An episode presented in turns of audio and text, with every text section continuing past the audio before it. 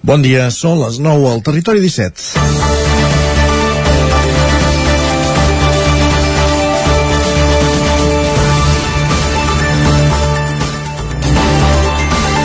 L'Ajuntament de Vic denega el permís per instal·lar una carpa a l'entitat que reclama el 25% del català a l'escola i ja tenim el show mediàtic muntat. No han trigat ni una setmana a desembarcar a Osona els màxims representants de Ciutadans i el PP a Catalunya reclamant els, els drets de qui vol rebre l'ensenyament monolingüe.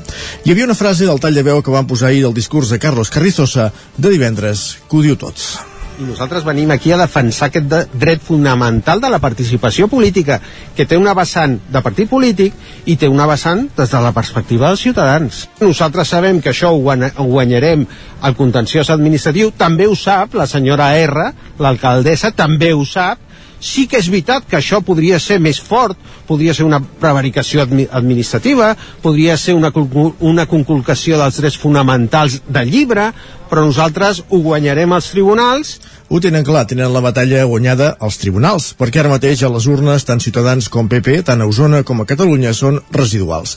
Però tots aquells mitjans que no sabrien posar Vic en un mapa de Vic, els hi donen minuts i minuts de pantalla i quilòmetres i quilòmetres de lletra. Toca, toca aguantar el temporal i fins la propera embestida.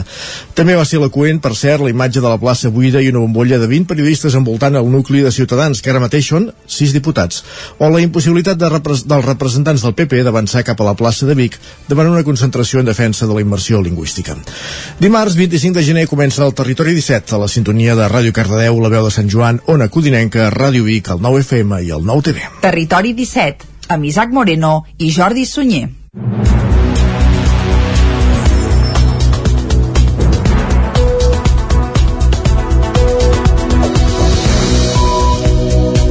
Passen dos minutets de les 9 del matí d'avui dimarts, dia 25 de gener de 2022. Comença ara mateix un nou Territori 17 que avui, com sempre, durant la primera hora us acostarà tota l'actualitat de les nostres comarques. Després, a partir de les 10, actualitzarem butlletins informatius i anirem cap a l'entrevista. Avui, Isaac, on? Avui anem fins al Ripollès, a la veu de Sant Joan, amb l'Isaac Muntades per parlar amb Xavier Sanfulgencio, el president del Club Vol Lliure Serra Cavallera. Parlarem de vols, de volar. De volar, carai, interessant. De volar...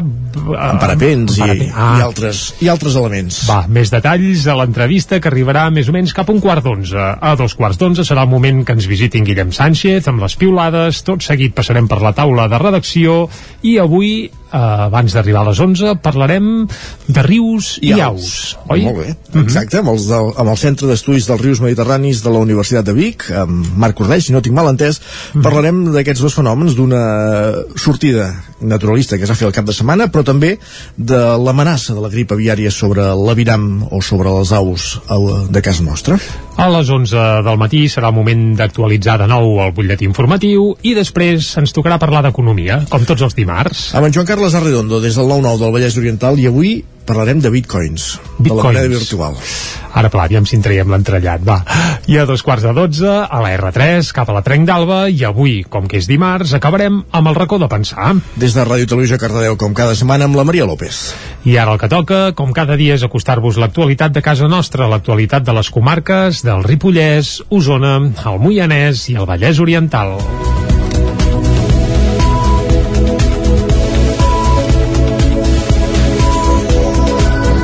La Generalitat desencalla la construcció de la variant de Sagàs, la carretera que permetrà completar l'eix del Lluçanès que uneix Osona i el Berguedà. El conseller de Polítiques Digitals i Territori, el vicepresident Jordi Puigneró, va anunciar dissabte a Prats que està previst que les obres es liciten a finals d'aquest any i que s'executin el 2023. Durant la visita oficial que va fer dissabte a Prats de Lluçanès, en motiu de la festa major d'hivern, el vicepresident i conseller de Polítiques Digitals i Territori, Jordi Puigneró, va anunciar la intenció del govern de licitar les obres de la variant de Sagàs, la carretera C 62 a finals d'aquest any 2022, amb la intenció de començar les obres abans d'acabar l'any 23. Escoltem a Jordi Puigneró. El que sí eh, vull, vull deixar molt clar és que hi ha aquest compromís polític de la conselleria per tirar endavant aquest, uh, aquest projecte. Més enllà de si és uh, uns mesos més, uns mesos menys, doncs uh, això també vindrà determinat també per la complexitat, diguéssim, del projecte que acabi, doncs, s'encabi derivant i, per tant doncs, el que tenim molt clar és que això eh, tirarà endavant. La variant de Sagàs és el darrer tram pendent de construcció de l'eix del Lluçanès, la carretera C62 que uneix Vic i Olban. El projecte ha estat una reclamació constant dels agents econòmics i polítics del Berguedà per donar continuïtat a aquest eix. La carretera es va construir entre els anys 2008 i 2013 per unir les comarques d'Osona i el Berguedà i acabar amb els revolts de l'antiga carretera de Gironella a Vic passant per Prats i Olost. El primer tram construït entre Gurb i Olost va permetre guanyar temps i acabar amb una zona força perillosa de la carretera. El segon tram va incloure la construcció de les variants d'Olost i Prats de Lluçanès i també construir la nova carretera per Sant Martí del Bars i Perafita a Osona i acabar amb els revolts entre Santa Maria de Merlès i Prats a la banda bergadana. També es va construir el nou traçat entre la C16 i Sagàs. El president de la Generalitat, Pere Aragonès, va ser a la capital d'Osona aquest cap de setmana, acompanyat de l'alcaldessa de Vic i el president, el president va visitar l'Ajuntament, el Vic.0 i les instal·lacions d'Osonament, des d'on va fer una crida potencial a la xarxa pública de salut mental. Durant la seva estada a la capital d'Osona, Aragonès va carregar contra la sentència del Tribunal Superior de Justícia de Catalunya que obligarà les escoles a fer un 25% de les classes en castellà. Pere Aragonès va ser dissabte a Vic en la seva primera visita a la capital d'Osona des que és president de la Generalitat. La primera parada de la visita d'Aragonès va ser a l'Ajuntament, on va signar el llibre d'honor.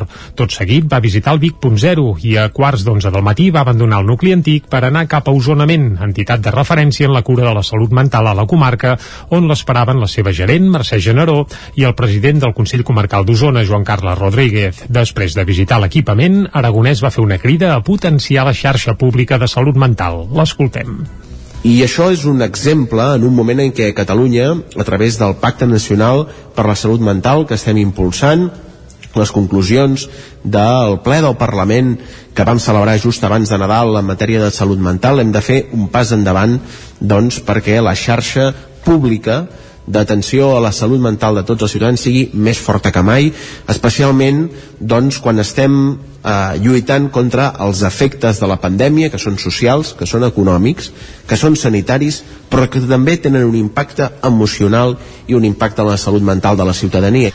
En un dissabte dalt, en un dissabte volem dir d'alt voltatge polític a Vic per la compareixença també de la plana major del Partit Popular català, Aragonès també va aprofitar per disparar contra la sentència del Tribunal Superior de Justícia de Catalunya que obligarà les escoles a fer un 25% de les classes en castellà. Pere Aragonès i la decisió que se'ns comunica ahir és un intent de trencar aquest consens. És una mena de 155 educatiu eh, contra el qual lluitarem amb totes les eines que tinguem al nostre abast, defensant la bona feina que fan els docents d'aquest país, confiant amb els docents d'aquest país, que és el model que tenim. El model de la llei d'educació de Catalunya que confia en les direccions dels centres, confia en els docents del país per tal d'establir el projecte lingüístic de cada centre, per garantir la promoció i l'ús de la llengua catalana, el coneixement del català, del castellà i de terceres llengües eh, en acabar el cicle educatiu. En aquest sentit, el president va assegurar que l'executiu defensarà el català a l'escola i que serà el govern i no pas els docents qui assumirà la responsabilitat política.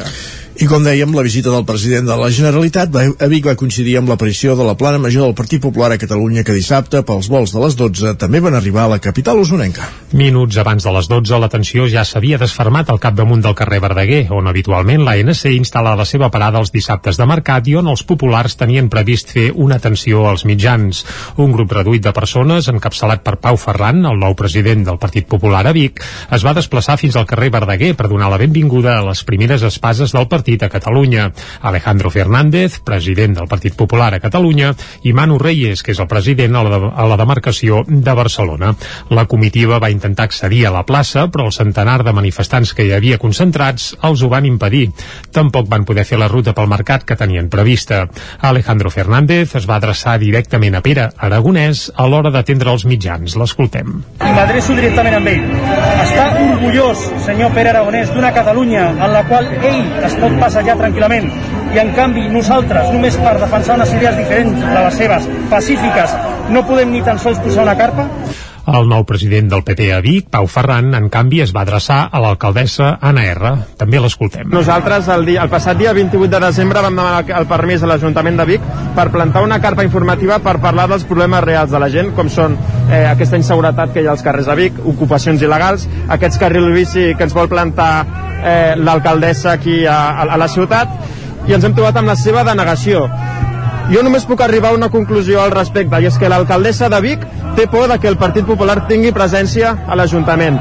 I li volem dir que l'any 2023 a Vic hi haurà regidors i potser alcaldes del Partit Popular a Osona, a la ciutat de Vic, i aquí plantarem cara a la delinqüència, a les ocupacions i farem de Vic una ciutat millor.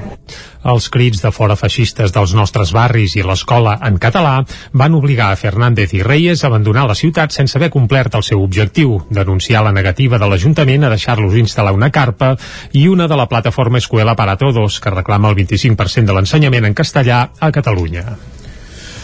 Canviem de qüestió. Joan Casadevall és el nou alcalde de Set Cases després de fer fora Anna Vila en una moció de censura. Ahir, a Isaac Muntades, des de la veu de Sant Joan. El regidor no escrit Joan Casadevall és el nou alcalde de Set Cases després que prosperés la moció de censura que es va fer en el ple d'aquest dilluns al migdia per fer fora l'actual alcaldessa, Anna Vila d'Esquerra Republicana de Catalunya. La moció va rebre els vots favorables del propi alcaldable, de la també regidora no escrita Núria Vila i del regidor del PSC, Carlos Fernández, que també va ser expulsat per una moció de censura el desembre de l'any 2017 i va ser substituït per la mateixa Vila, que curiosament llavors va rebre el suport de Casadevall. Aquella vegada Fernández no es va presentar a la seva pròpia moció de censura, a diferència de Vila, que ahir sí que hi va assistir. Cal dir que l'altre regidor socialista, Francisco Marcé, es va abstenir. El secretari va explicar que la ja exalcaldessa havia demanat mesures cautelars al jutjat, però aquest les va desestimar provisionalment i per això el ple va tirar endavant. Casadevall va dir que s'havia de democratitzar la institució i que tots els regidors poguessin participar de la confecció dels projectes i de la presa de decisions, ja que la situació era d'ingovernabilitat. Cal recordar que Vila està en minoria des del passat mes de maig, quan els dos regidors de l'equip de govern van dimitir en un mes de diferència. Casadevall va justificar la moció dient que Vila s'havia oblidat dels seus votants, que havia convertit l'Ajuntament en el seu propi espai de treball i que s'havia quedat sola des de feia mesos pel seu comportament intransigent i autoritari. L'alcalde va apuntar que ja havien alertat a Vila de què passaria si no els escoltava. Primer la intenció de fer juntes de govern, després les reunions amb Esquerra, més tard les dimissions i finalment això que explicava Casadevall. Vam dividir amb una estratègia. Primer jo i 30 dies després la Núria. Aviam si sortia una finestra, hi havia una tocada. Ei, nois, què passa? A l'arracant, què està passant? Res, res, ni una sola paraula. Després saps què va passar? Que quatre minuts després o cinc, i expressament, vam anunciar un ben platino i els quatre ells que faríem una moció de censura. Aviam si s'ha sonat una campaneta o havia una llum que deia, ai, nois, vull defensar, vull defensar la nostra, he fet, d'això. Ni una paraula, ni una sola paraula. Vila va defensar-se dient que des del primer moment un membre de la seva llista reunia més en Fernández que amb ella i va dir que ja s'intuïa la moció de censura per enveja i per revenja. Les juntes de govern van provocar el primer sisme. Es tracta d'un òrgan obligatori pels pobles de més de 5.000 habitants i que es convoca cada 15 dies, però es necessita el secretari. Davant de la manca de diàleg, les tasques quedaven paralitzades i el secretari anterior va recomanar-li dissoldre la Junta, ja que tenia poca disponibilitat horària per transcriure les actes i fer les altres tasques que li corresponien. Vila va proposar fer un Consell de Govern i li van tombar. Segons ella, la dimissió de Casadevall va arribar pel desacord que hi havia en la repartició d'un fons pel curs de Medicina de Muntanya que dirigia l'alcalde actual. Vila deia que van voler castigar-la. La censura avui pel meu comportament i no per la gestió que del poble. Les relacions personals, per això he fet una revolució i és que la moció que estem representant interessos particulars davant els interessos públics, no hi ha cap interès públic al fer-me fora de l'alcaldia causa que fer-me un alliçonament. Un cop de nena t'has portat malament, o no em cal fer, o com m'estàs portant la legislatura, no és el que toca pel poble. Fernández es va ofendre dient que ell no actuava per venjança, sinó que volia fer justícia perquè creia que la gestió de Vila havia estat nefasta. L'exalcaldessa va contestar-li que més d'una vegada li havia dit a la cara que ella no li caia bé i que tot això li passaria factura. L'exalcaldessa no va entregar-li la vara a casa de Vall i va haver de fer-ho Fernández. L'alcalde actual vol governar de manera assembleària i espera poder comptar amb els cinc regidors, Vila inclosa. Comença el judici per desllotjar la polseguera a l'Ateneu Popular del Moianès, ocupat a Moià des de l'abril de l'any passat. Jordi Givert, des d'Ona Codinenca. Des de l'abril de l'any passat, diferents col·lectius anticapitalistes del Moianès autogestionen un bloc de pisos ocupat. L'edifici, situat a Moià, es troba a mig construir, no és habitable i havia quedat abandonat amb l'explosió de la bombolla immobiliària el 2008. La propietat de l'edifici és la immobiliària Aliseda, que gestiona els actius immobiliaris del Banc de Santander i el fons voltor americà Blackstone. Des d'un primer moment, la propietat va denunciar l'ocupació i demana el desallotjament de l'edifici. Per altra banda, el col·lectiu que autogestiona l'Ateneu demana l'ajornament del judici pensat per aquest matí a les 12 i a la vegada han convocat una manifestació de rebuig al desallotjament de l'edifici i a les pràctiques especulatives del sector immobiliari. A l'Ateneu hi participen diferents plataformes anticapitalistes de la comarca del Moianès, com ara la xarxa de suport mutu, el Sindicat d'Habitatge o l'Assemblea Feminista del Moianès. Dissabte es va inaugurar a Cardedeu el memorial en reconeixement a totes les persones que van perdre la vida durant la Guerra Civil i la postguerra. Núria Lázaro, de Ràdio Televisió, Cardedeu.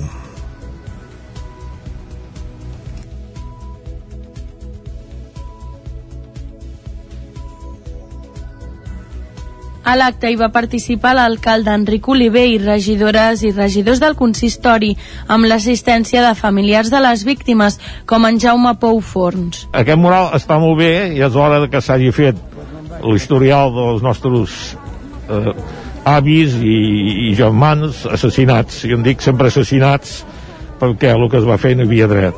I exclusivament el meu avi, en Jaume Forns, a 200 metres d'aquí el van assassinar en tres tiros al cap que es veu des d'aquí a la carretera davant a Can Borràs, que tothom ho sabrà.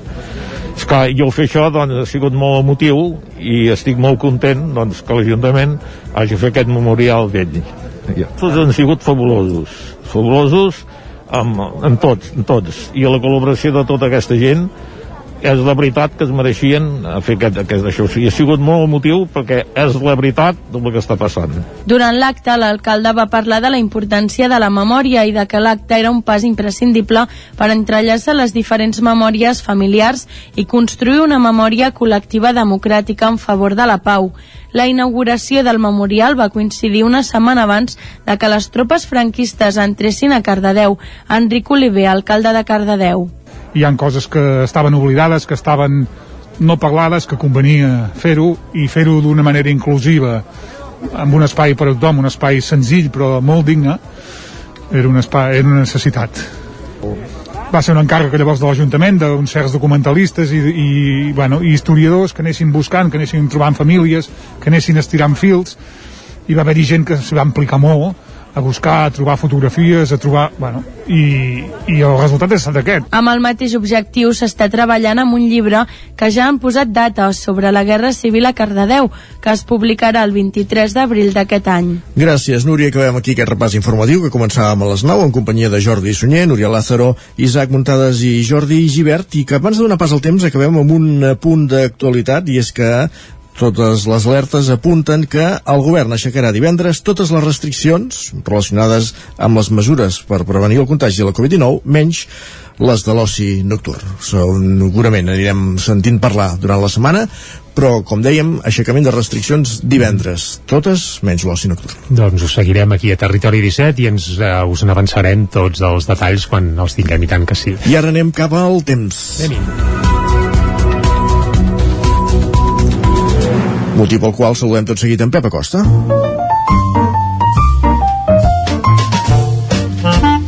Casa Terradellos us ofereix el temps. Un Pep Acosta que aquests dies està avorridot perquè l'actualitat meteorològica és una mica com el joc del Barça, eh? sense salsa i sense gaire uh, alegries. Però va, el saludem igualment. Bon dia, Pep.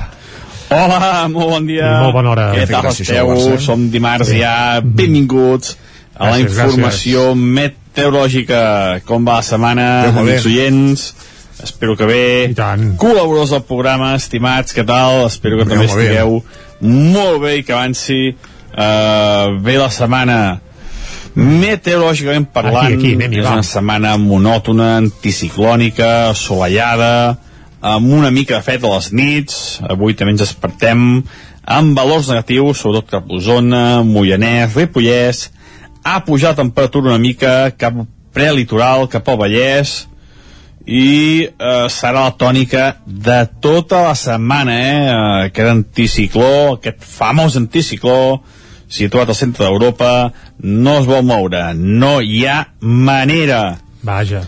El dia d'avui, eh, és que ff, eh, gairebé cap novetat, eh, assolellat, eh, una mica fresc, eh, molt de sol, algunes boires que no seran ni intenses ni extenses, no, no tindrem boires tot el dia, ni de bon tros, i les temperatures màximes eh, semblants a les d'ahir.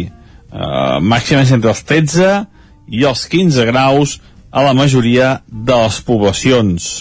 Eh, vents molt encalmats, en definitiva, un temps molt, molt encalmat, eh, molt tranquil, i gairebé cap cap eh, cap canvi, cap novetat res a destacar eh? eh tot molt, molt molt pla, molt monòton eh, es nota que tot està massa tranquil massa tranquil perquè necessitem canvis, necessitem pluja necessitem una mica de, de, de moviment eh? una mica de moviment meteorològic perquè està cosa molt ensupida i els homes del temps necessitem una mica més de, de canvis, eh? una mica mm. més de, de moviment, eh? perquè és que no, no, no ens agrada, no ens agrada aquest panorama que ja hi ha tants i tants dies i no, no poca cosa més pel que fa al temps a disfrutar el dia d'avui un altre dia anticiclònic abrigar-vos una mica al matí fa una mica de fresca però ja dic a migdia entre 13 i 15 graus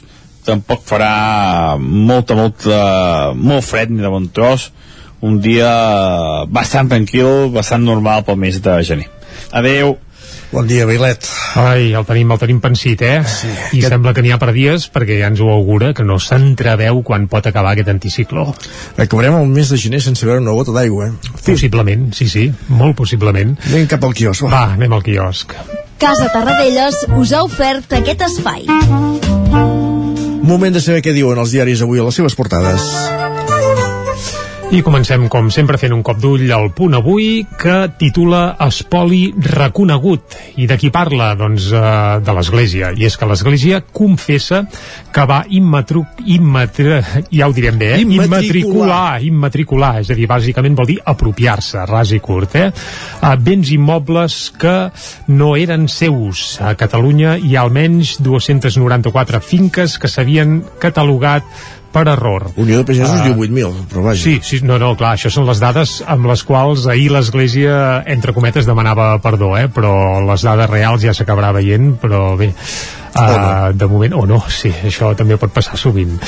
Més coses. Helena, que és el conseller, recordem, ah, d'Interior de la Generalitat. La sí, del no, no, no, no, no, no, no, no anàvem per aquí, anàvem pel conseller. Helena anuncia que blindarà l'anticorrupció. Això ho farà, doncs, evidentment, amb una a partida nova de Mossos que es dedicaran a investigar explícitament trames doncs, de, de corrupció. Més coses, el Parlament du al ple la defensa de l'escó de jubilar de moment aquest regidor, bé no regidor sinó aquest eh, diputat, uh, diputat de la CUP que va posar llaços grocs recordem-ho a l'Ajuntament de Lleida quan era regidor, doncs sembla que el volen inhabilitar, però de moment doncs eh, continua actiu i viu al ple del Parlament. Ja veurem com acaba tot plegat. Bueno, de fet se sotmetrà al ple a veure com, sí, què sí, fa sí, el Parlament sí, sí. si, la, ah, si, si acata la sentència o presenten recurs fins que sigui ferma. Anem cap a l'ara, va.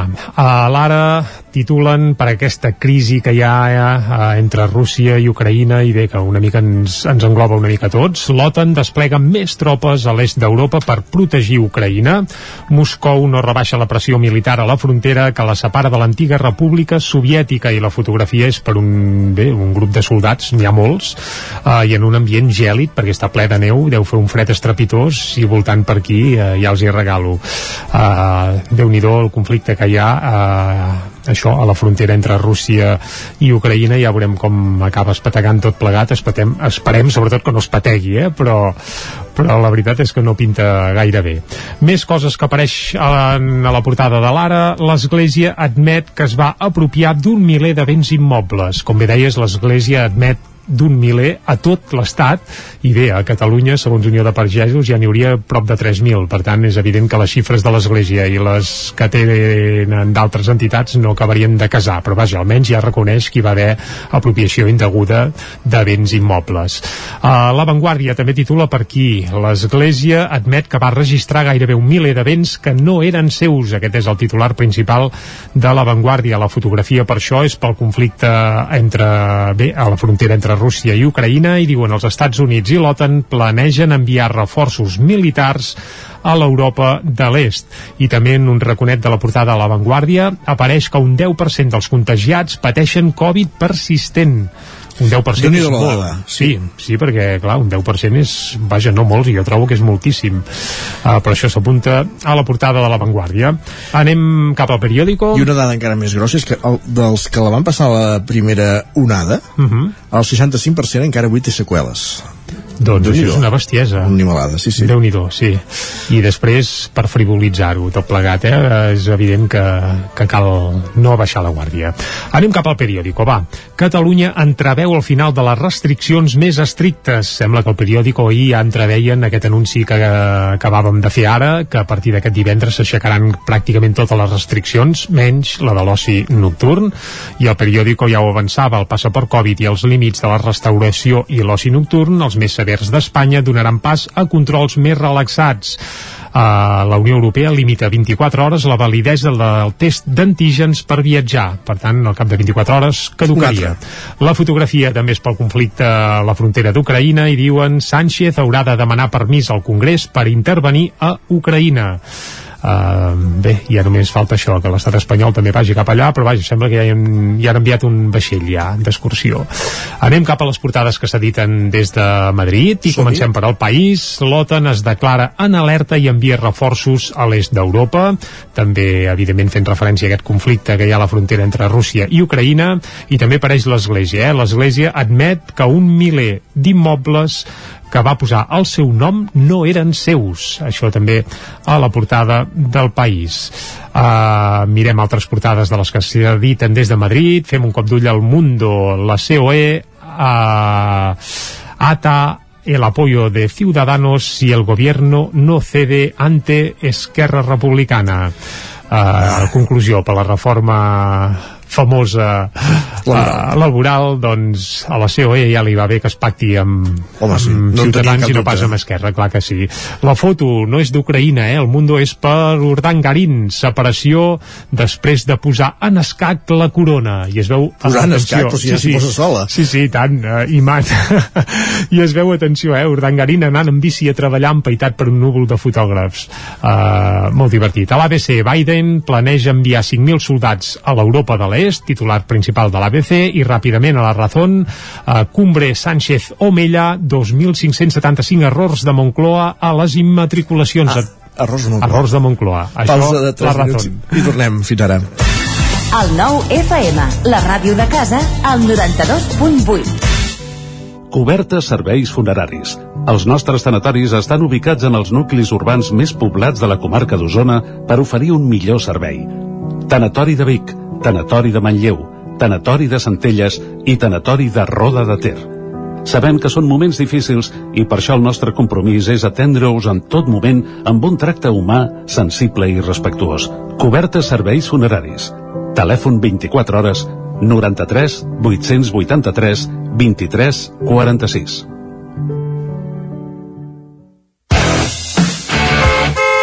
A Autoscola Montseny. Ara és el moment de fer els cursos de teòrica intensius, ràpid i eficaç. T'informarem dels PACs, permís de moto de 16 i 18 anys i permís de cotxe. I si vens a veure'ns, tindràs un obsequi. Apunta't i no t'ho pensis més. Per més informació, Autoscola Montseny, Rambla de Vallades, número 13 de Vic. Busca'ns a Instagram i Facebook. Això és el que s'escolta al voltant d'una caldera saunia d'Oval. Tranquilitat i benestar, perquè gaudeix del millor manteniment del servei tècnic oficial per estar despreocupat. O el que vulgui. Informis a Oficiat Nord trucant al 938860040. Saunia d'Oval, sempre al seu costat. Mmm, quan fa que no menges pluma ibèrica de Salamanca i xuletilles de lechal a la brasa amb una bona amanida? Oh, ¿y un chuletón de vedella gallega? ¿O lechazo de Castilla al forn? Ah, i botillo del Bierzo amb cachelos i col? Ei, i cochinillo a l'estil de Segovia, i tot acompanyat d'un bon celler. Oh, i uns bons serranitos de pollastre, de llom, d'hamburguesa, del que tu vulguis. Per menjar la millor cuina de Lleó sense moure't de casa, vine a El Racó de León. Fem cuina tradicional lleonesa i de mercat. Vine amb la família, amb els amics, amb la parella o sol. T'encantarà. El racó de León. Som al carrer Torelló 35 de Vic. Reserves 93 889 1950. Tanquem els dimarts. El racó de León. Vine a tastar una cuina diferent. Cocodril Club. Si t'agrada la bona música dels anys 60, 70 i 80, escolta el 9 FM als matins de dissabtes i diumenges d'11 a 1. És el temps del Cocodril Club, tot un clàssic de la ràdio, amb les bases del pop-rock, les llegendes, les cançons que s'han convertit en autèntics himnes. Recorda, dissabtes i diumenges al matí, d'11 a 1, al 9 FM 92.8. Cocodril Club, el programa revival de l'Albert Malla. Hasta luego, Anuncia't al 9FM. La màquina de casa. 9 3 8 8 9 4 9 4 9 Publicitat arroba al 9FM.cat. Anuncia't al 9FM. La publicitat més eficaç. El 9FM. El 9FM. El 9FM. En punt, dos quarts de 10 al territori 17. Territori 17, amb Isaac Moreno i Jordi Sunyer.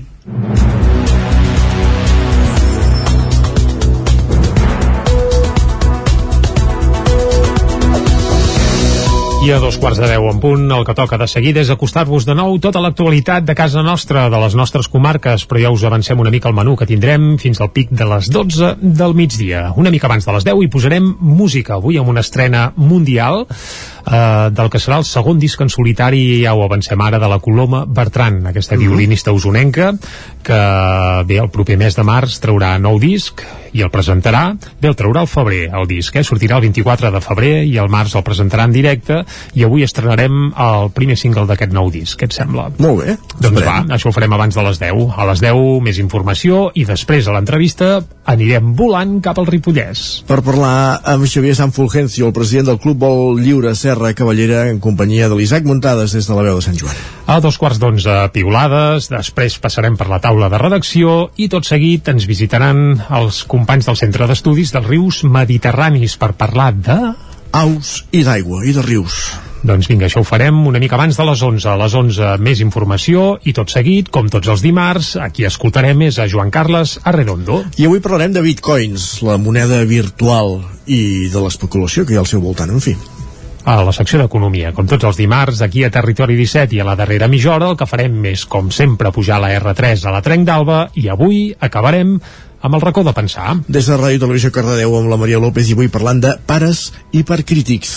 Ara pla hipercrítics. Uh, vinga, això, entrarem l'entrellat a la part final d'un programa que ara segueix acostant-vos de nou tota l'actualitat de casa nostra, l'actualitat de les comarques del Vallès Oriental, el Moianès, Osona i el Ripollès.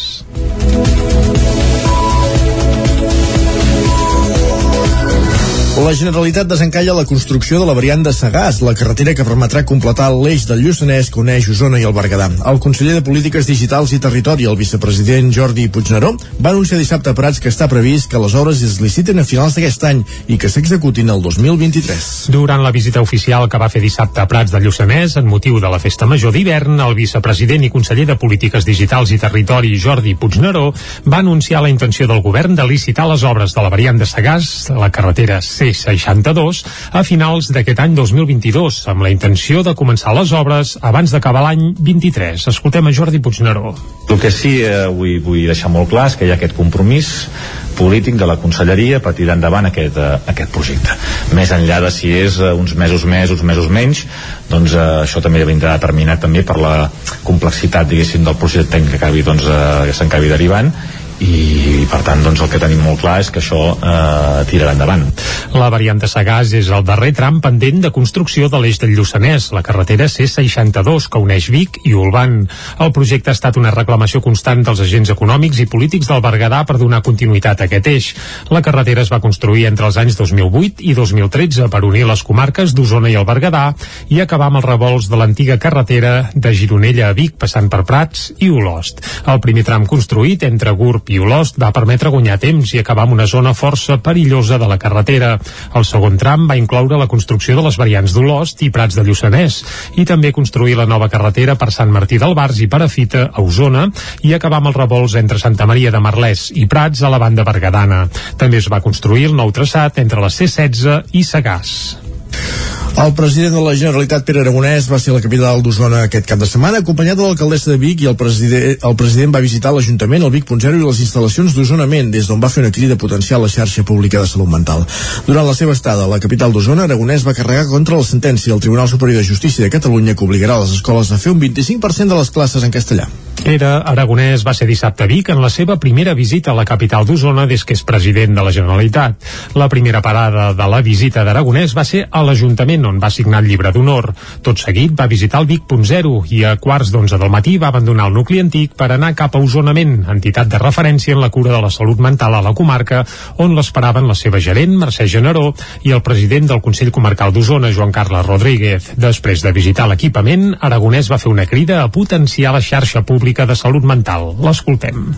I això és un exemple en un moment en què Catalunya, a través del Pacte Nacional per la Salut Mental que estem impulsant, les conclusions del ple del Parlament que vam celebrar just abans de Nadal en matèria de salut mental, hem de fer un pas endavant doncs, perquè la xarxa pública d'atenció a la salut mental de tots els ciutadans sigui més forta que mai, especialment doncs, quan estem eh, lluitant contra els efectes de la pandèmia, que són socials, que són econòmics, que són sanitaris, però que també tenen un impacte emocional i un impacte en la salut mental de la ciutadania. En un dissabte dalt, en un dissabte volem dir dalt voltatge polític a Vic per la compareixença també de la plana major del Partit Popular català, Aragonès també va aprofitar per disparar contra la sentència del Tribunal Superior de Justícia de Catalunya que obligarà les escoles a fer un 25% de les classes en castellà. Pere Aragonès i la decisió que se'ns comunica ahir és un intent de trencar aquest consens. És una mena de 155 educatiu eh, contra el qual lluitarem amb totes les eines que tinguem al nostre abast, defensant la bona feina que fan els docents d'aquest país, confiant amb els docents d'aquest país, que és el model que tenim. El model de la llei d'educació de Catalunya que confia en les direccions dels centres, confia en els docents del país per tal d'establir el projecte lingüístic de cada centre, per garantir la promoció i l'ús de la llengua catalana, el coneixement del català, del castellà i de terceres llengües eh, en acabar el cicle educatiu. En aquest sentit, el president va assegurar que l'executiu defensarà el català a l'escola i que serà el govern i no pas dels docents qui assumirà la responsabilitat política. I com dèiem, la visita del president de la Generalitat va, a Vic va coincidir amb l'aparició de la plana major del Partit Popular a Catalunya que dissabte, pels vols de les 12, també van arribar a la capital usonenca. Minuts abans de les 12, la tensió ja s'havia desfermat al capdamunt del carrer Verdaguer, on habitualment l'ANC instal·la la seva parada els dissabtes de mercat i on els populars tenien previst fer una atenció als mitjans. Un grup reduït de persones, encapçalat per Pau Ferran, el nou president del Partit Popular a Vic, es va desplaçar fins al carrer Verdaguer per donar la benvinguda a les primeres espases del partit a Catalunya. Alejandro Fernández, president del Partit Popular a Catalunya, i Manu Reyes, que és el president a la, de, a la demarcació de Barcelona. La comitiva va intentar accedir a la plaça, però el centenar de manifestants que hi havia concentrats els ho van impedir. Tampoc van poder fer la ruta pel mercat que tenien prevista. Alejandro Fernández es va adreçar directament a Pere Aragonès a l'hora d'atendre els mitjans. L'escoltem. M'adreço directament amb ell. Està orgullós, senyor Pere Aragonès, d'una Catalunya en la qual ell es pot passejar tranquil·lament i en canvi nosaltres, només per defensar unes idees diferents de les seves, pacífiques, no podem ni tan sols posar una carpa?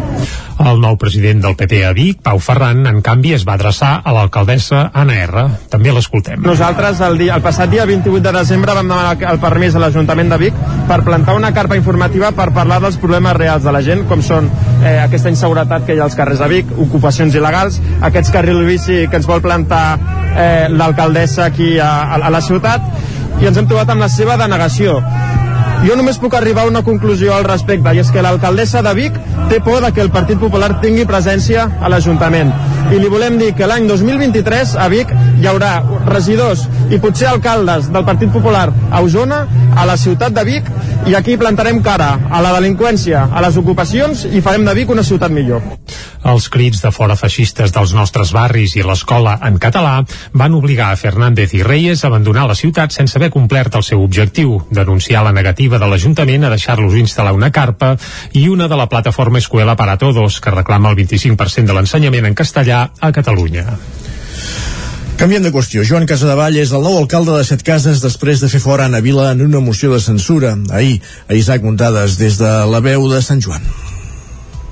El regidor no escrit Joan Casadevall és el nou alcalde de Set Cases després que prosperés la moció de censura que es va fer en el ple d'aquest dilluns al migdia per fer fora l'actual alcaldessa, Anna Vila d'Esquerra Republicana de Catalunya. La moció va rebre els vots favorables del propi alcaldable, de la també regidora no escrita Núria Vila i del regidor del PSC, Carlos Fernández, que també va ser expulsat per una moció de censura el desembre de l'any 2017 i va ser substituït per la mateixa Vila, que curiosament llavors va rebre el suport de Casadevall. Aquella vegada Fernández no es va presentar a la seva pròpia moció de censura, a diferència de Vila, que ahir sí que hi va assistir. Cal dir que l'altre regidor socialista, Francisco Mercè, es va abstenir. El secretari va explicar que la ja exalcaldessa havia demanat mesures cautelars al jutjat, però aquest les va desestimar provisionalment i per això el ple va tirar endavant. Casadevall va dir que s'havia de democratitzar la institució i que tots els regidors poguessin participar de la confecció dels projectes i de la presa de decisions, ja que la situació era d'ingovernabilitat. Cal recordar que Vila està en minoria des del passat mes de maig, quan els dos regidors de l'equip de govern van dimitir en un mes de diferència. Casadevall va justificar la moció dient que Vila s'havia oblidat dels seus votants, que havia convertit l'Ajuntament en el seu propi espai de treball i que s'havia quedat sola des de feia mesos pel seu comportament intransigent i autoritari. L'alcalde va apuntar que ja havien alertat a Vila de què passaria si no els escoltava. Primer la intenció de fer juntes de govern, després les reunions amb Esquerra, més tard les dimissions i finalment això que explicava Casadevall. Vam dividir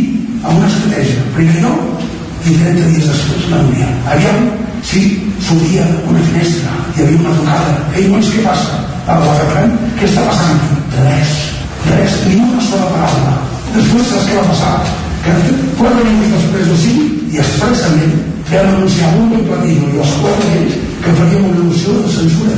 Aviam si s'estonava una campaneta o havia una llum que deia, ei, doncs, vull defensar, vull defensar el nostre tabú que he fet. Això, ni una paraula, ni una sola paraula. Vila va defensar-se dient que des del primer moment un membre de la seva llista reunia més en Fernández que amb ella i va dir que ja s'intuïa la moció de censura per enveja i per revenja. Les juntes de govern van provocar el primer sisme. Es tracta d'un òrgan obligatori pels pobles de més de 5.000 habitants i que es convoca cada 15 dies, però es necessita el secretari. Davant de la manca de diàleg, les tasques quedaven paralitzades i el secretari anterior va recomanar-li dissoldre la Junta, ja que tenia poca disponibilitat horària per transcriure les actes i fer les altres tasques que li corresponien. Vila va proposar fer un Consell de Govern i li van tombar. Segons ella, la dimissió de Casa de Vall va arribar pel desacord que hi havia en la repartició d'un fons pel curs de Medicina de Muntanya que dirigia l'alcalde actual. Vila deia que van voler castigar-la. És que.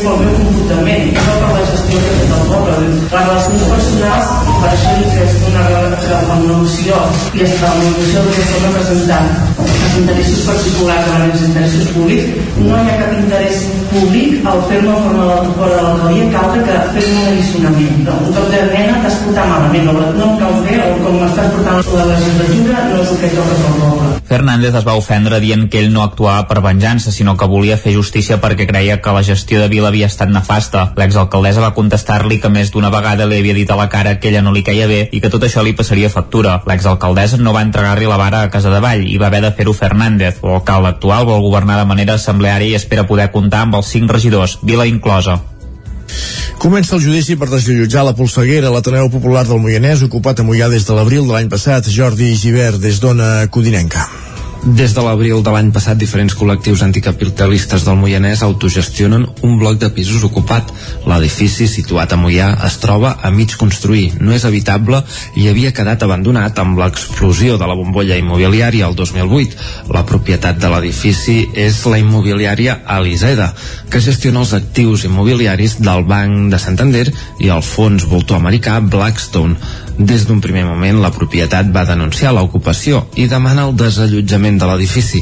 Per altra banda, el col·lectiu que autogestiona l'Ateneu demana l'ajornament del judici pensat per aquest matí a les 12 i a la vegada han convocat una manifestació de rebuig al desallotjament de l'edifici i a les pràctiques especulatives del sector immobiliari. A l'Ateneu hi participen diferents plataformes anticapitalistes de la comarca del Moianès, com ara la xarxa de suport mutu, el Sindicat d'Habitatge o l'Assemblea Feminista del Moianès. Dissabte es va inaugurar a Cardedeu el memorial en reconeixement a totes les persones que van perdre la vida durant la Guerra Civil i la postguerra. Núria Lázaro, de Ràdio Televisió Cardedeu.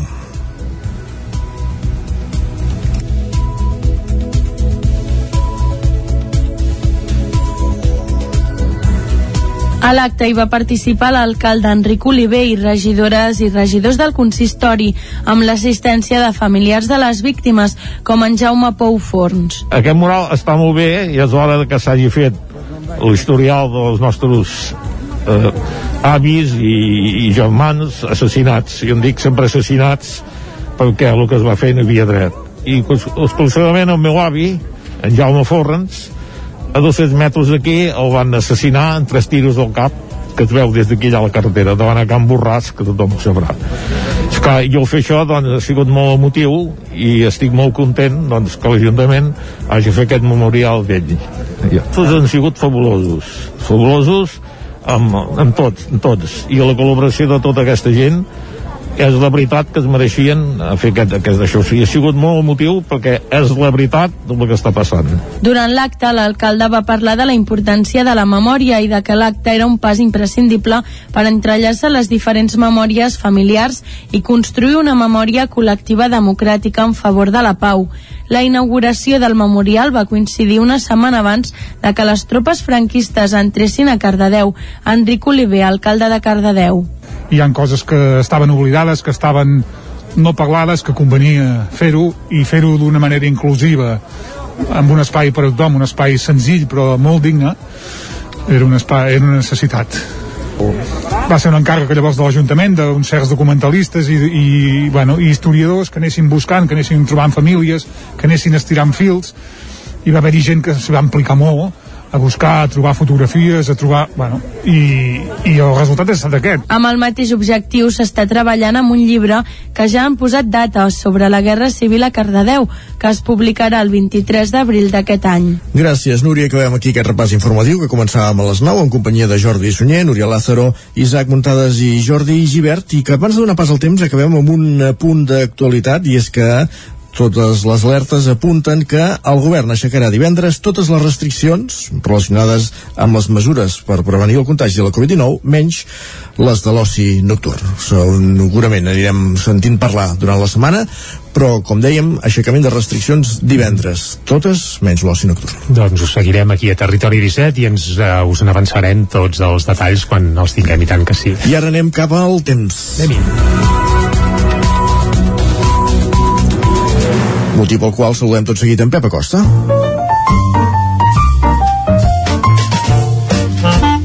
Casa Terradellos us ofereix el temps. Un Pep Acosta que aquests dies està avorridot perquè l'actualitat meteorològica és una mica com el joc del Barça, eh? sense salsa i sense gaire uh, alegries. Però va, els saludem igualment. Bon dia, Pep.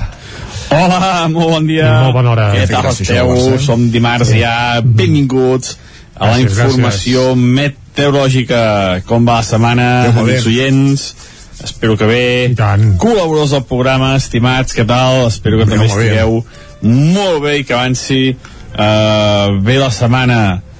Meteorològicament parlant aquí, aquí, és una setmana monòtona, anticiclònica, assolellada, amb una mica de fred a les nits, avui també ens despertem amb valors negatius, sobretot cap a Osona, Moianès, Ripollès, ha pujat temperatura una mica cap prelitoral, cap al Vallès i eh, serà la tònica de tota la setmana eh?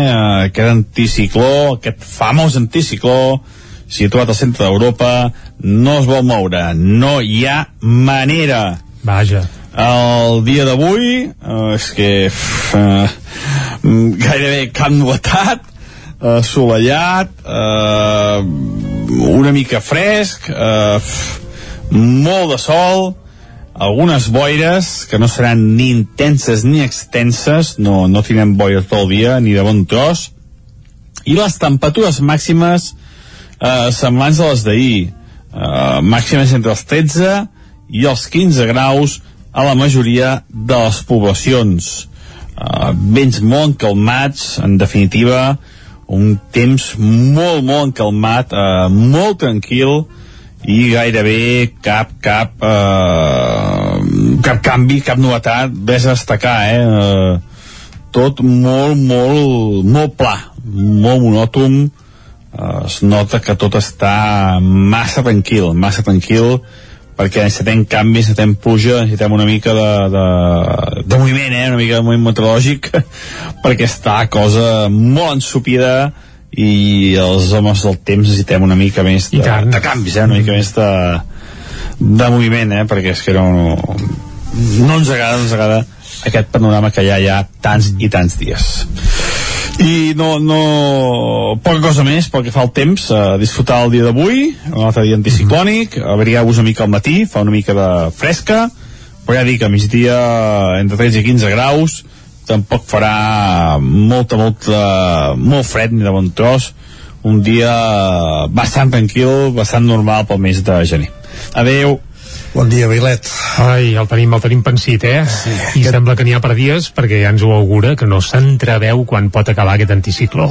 Acabarem el mes de gener sense veure una gota d'aigua, eh? Possiblement, sí, sí, molt possiblement. Anem cap al quiosc, va. Va, anem al quiosc.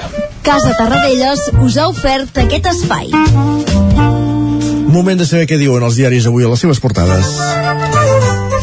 I comencem, com sempre, fent un cop d'ull al punt avui, que titula Espoli reconegut. I de qui parla? Doncs eh, de l'Església. I és que l'Església confessa que va immatru... immatri...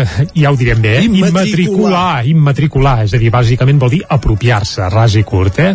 A béns immobles que no eren seus. A Catalunya hi ha almenys 294 finques que s'havien catalogat per error. Unió de Pagesos uh, diu 8.000, però vaja. Sí, sí, no, no, clar, això són les dades amb les quals ahir l'Església, entre cometes, demanava perdó, eh? però les dades reals ja s'acabarà veient, però bé, uh, no. de moment, o oh, no, sí, això també pot passar sovint. Més coses. Helena, que és el conseller, recordem, ah, d'Interior de la Generalitat. La sí, del no, no, no, no, no, no, no, no anàvem per aquí, anàvem pel conseller. Helena anuncia que blindarà l'anticorrupció. Això ho farà, doncs, evidentment, amb una a partida nova de Mossos que es dedicaran a investigar explícitament trames doncs, de, de corrupció. Més coses, el Parlament du al ple la defensa de l'escó de jubilar de moment aquest regidor bé, no regidor, sinó aquest eh, diputat, uh, diputat de la CUP que va posar llaços grocs, recordem-ho, a l'Ajuntament de Lleida quan era regidor, doncs sembla que el volen inhabilitar, però de moment doncs uh, continua actiu i viu al ple del Parlament. Ja veurem com acaba tot plegat. Bueno, de fet se sotmetrà al ple a veure com sí, què fa sí, el Parlament. sí, sí. si, la, si, si acata la sentència o presenten recurs fins que sigui ferma. Anem cap a l'ara, va.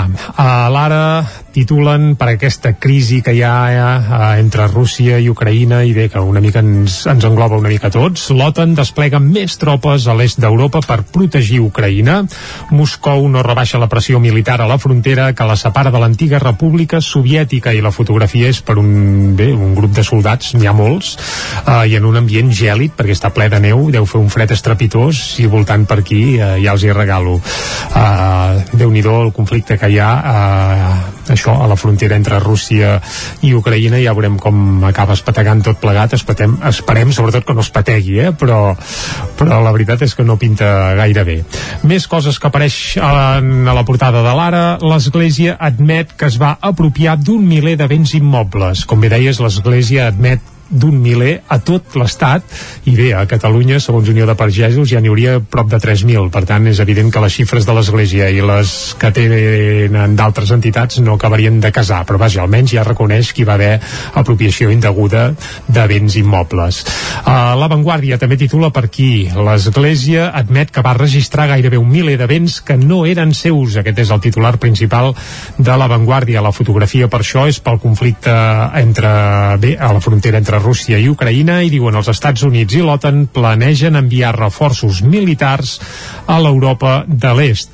I també en un raconet de la portada de La Vanguardia apareix que un 10% dels contagiats pateixen Covid persistent un 10% és molt. Sí, sí, perquè, clar, un 10% és, vaja, no molts, i jo trobo que és moltíssim. Uh, per això s'apunta a la portada de La Vanguardia. Anem cap al periòdico. I una dada encara més grossa és que el, dels que la van passar la primera onada, uh Mhm. -huh. el 65% encara avui té seqüeles. Doncs això és una bestiesa. Una animalada, sí, sí. déu nhi sí. I després, per frivolitzar-ho tot plegat, eh, és evident que, que cal no baixar la guàrdia. Anem cap al periòdico, va. Catalunya entreveu el final de les restriccions més estrictes. Sembla que el periòdico ahir ja entreveien aquest anunci que acabàvem de fer ara, que a partir d'aquest divendres s'aixecaran pràcticament totes les restriccions, menys la de l'oci nocturn, i el periòdico ja ho avançava, el passaport Covid i els límits de la restauració i l'oci nocturn, els més severs d'Espanya, donaran pas a controls més relaxats. Uh, la Unió Europea limita 24 hores la validesa del test d'antígens per viatjar. Per tant, al cap de 24 hores caducaria. La fotografia també és pel conflicte a la frontera d'Ucraïna i diuen Sánchez haurà de demanar permís al Congrés per intervenir a Ucraïna. Uh, bé, ja només falta això, que l'estat espanyol també vagi cap allà, però vaja, sembla que ja, han, ja han enviat un vaixell ja d'excursió.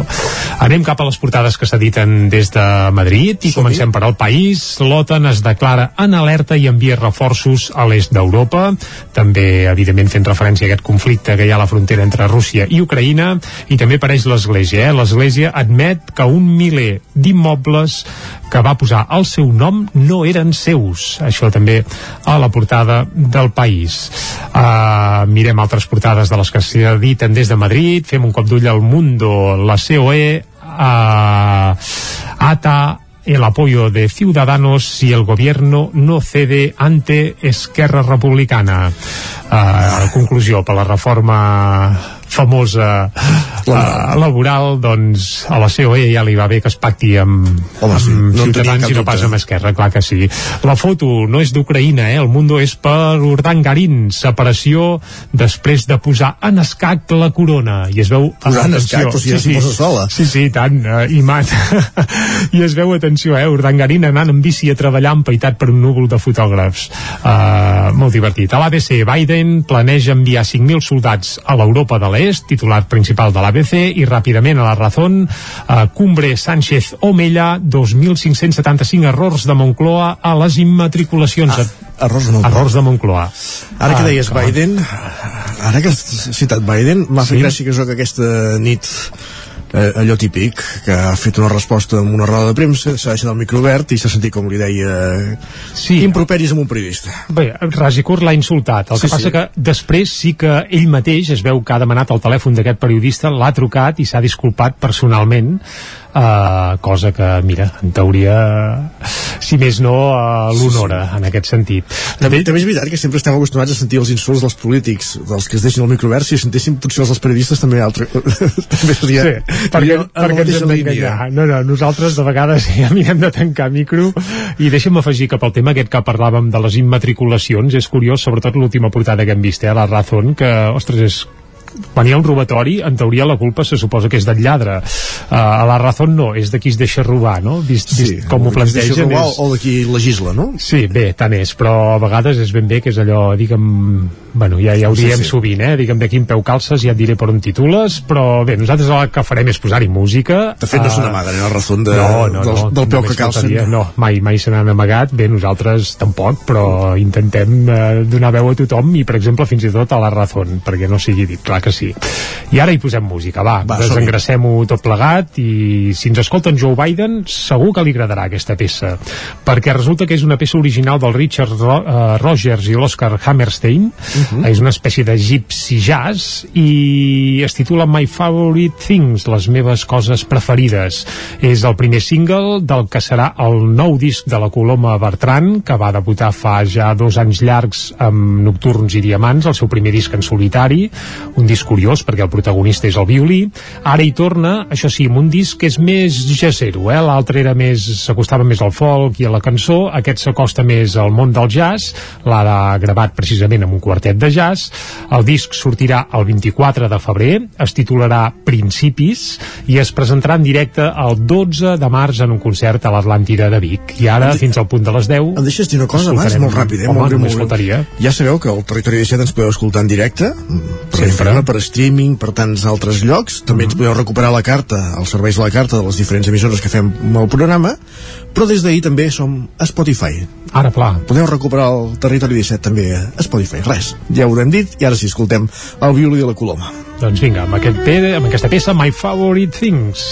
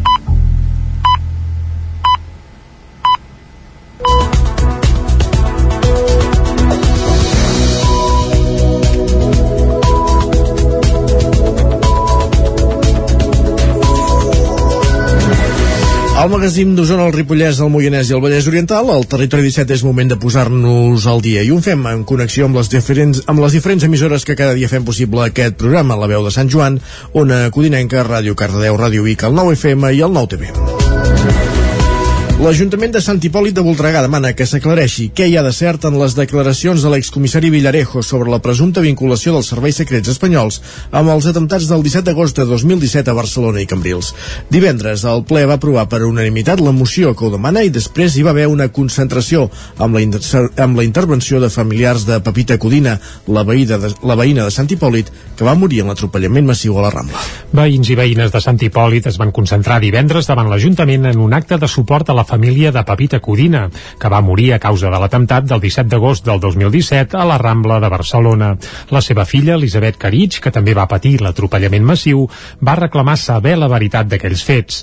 Les declaracions de l'excomissari José Manuel Villarejo en seu judicial sobre la possible vinculació del CNI i els atemptats perpetrats per la cèl·lula jihadista de Ripoll han tornat a posar sobre la taula les peticions d'aclarir què va passar. Escoltem Elisabet Caritx veritat, perquè el mal que ens han, ens han, que hem patit és immens i molt gran. Ells obliden, nosaltres no, i no deixarem mai d'intentar-ho i de demanar-ho, perquè és l'únic que podem fer. Volem aprofitar per deixar molt clar que aquesta no és una lluita política. Pensem que posar llum a les circumstàncies de l'atemptat no hauria d'entendre ni de partits polítics, ni de banderes, ni senyeres, sinó que es tracta d'una lluita per fer justícia a les víctimes.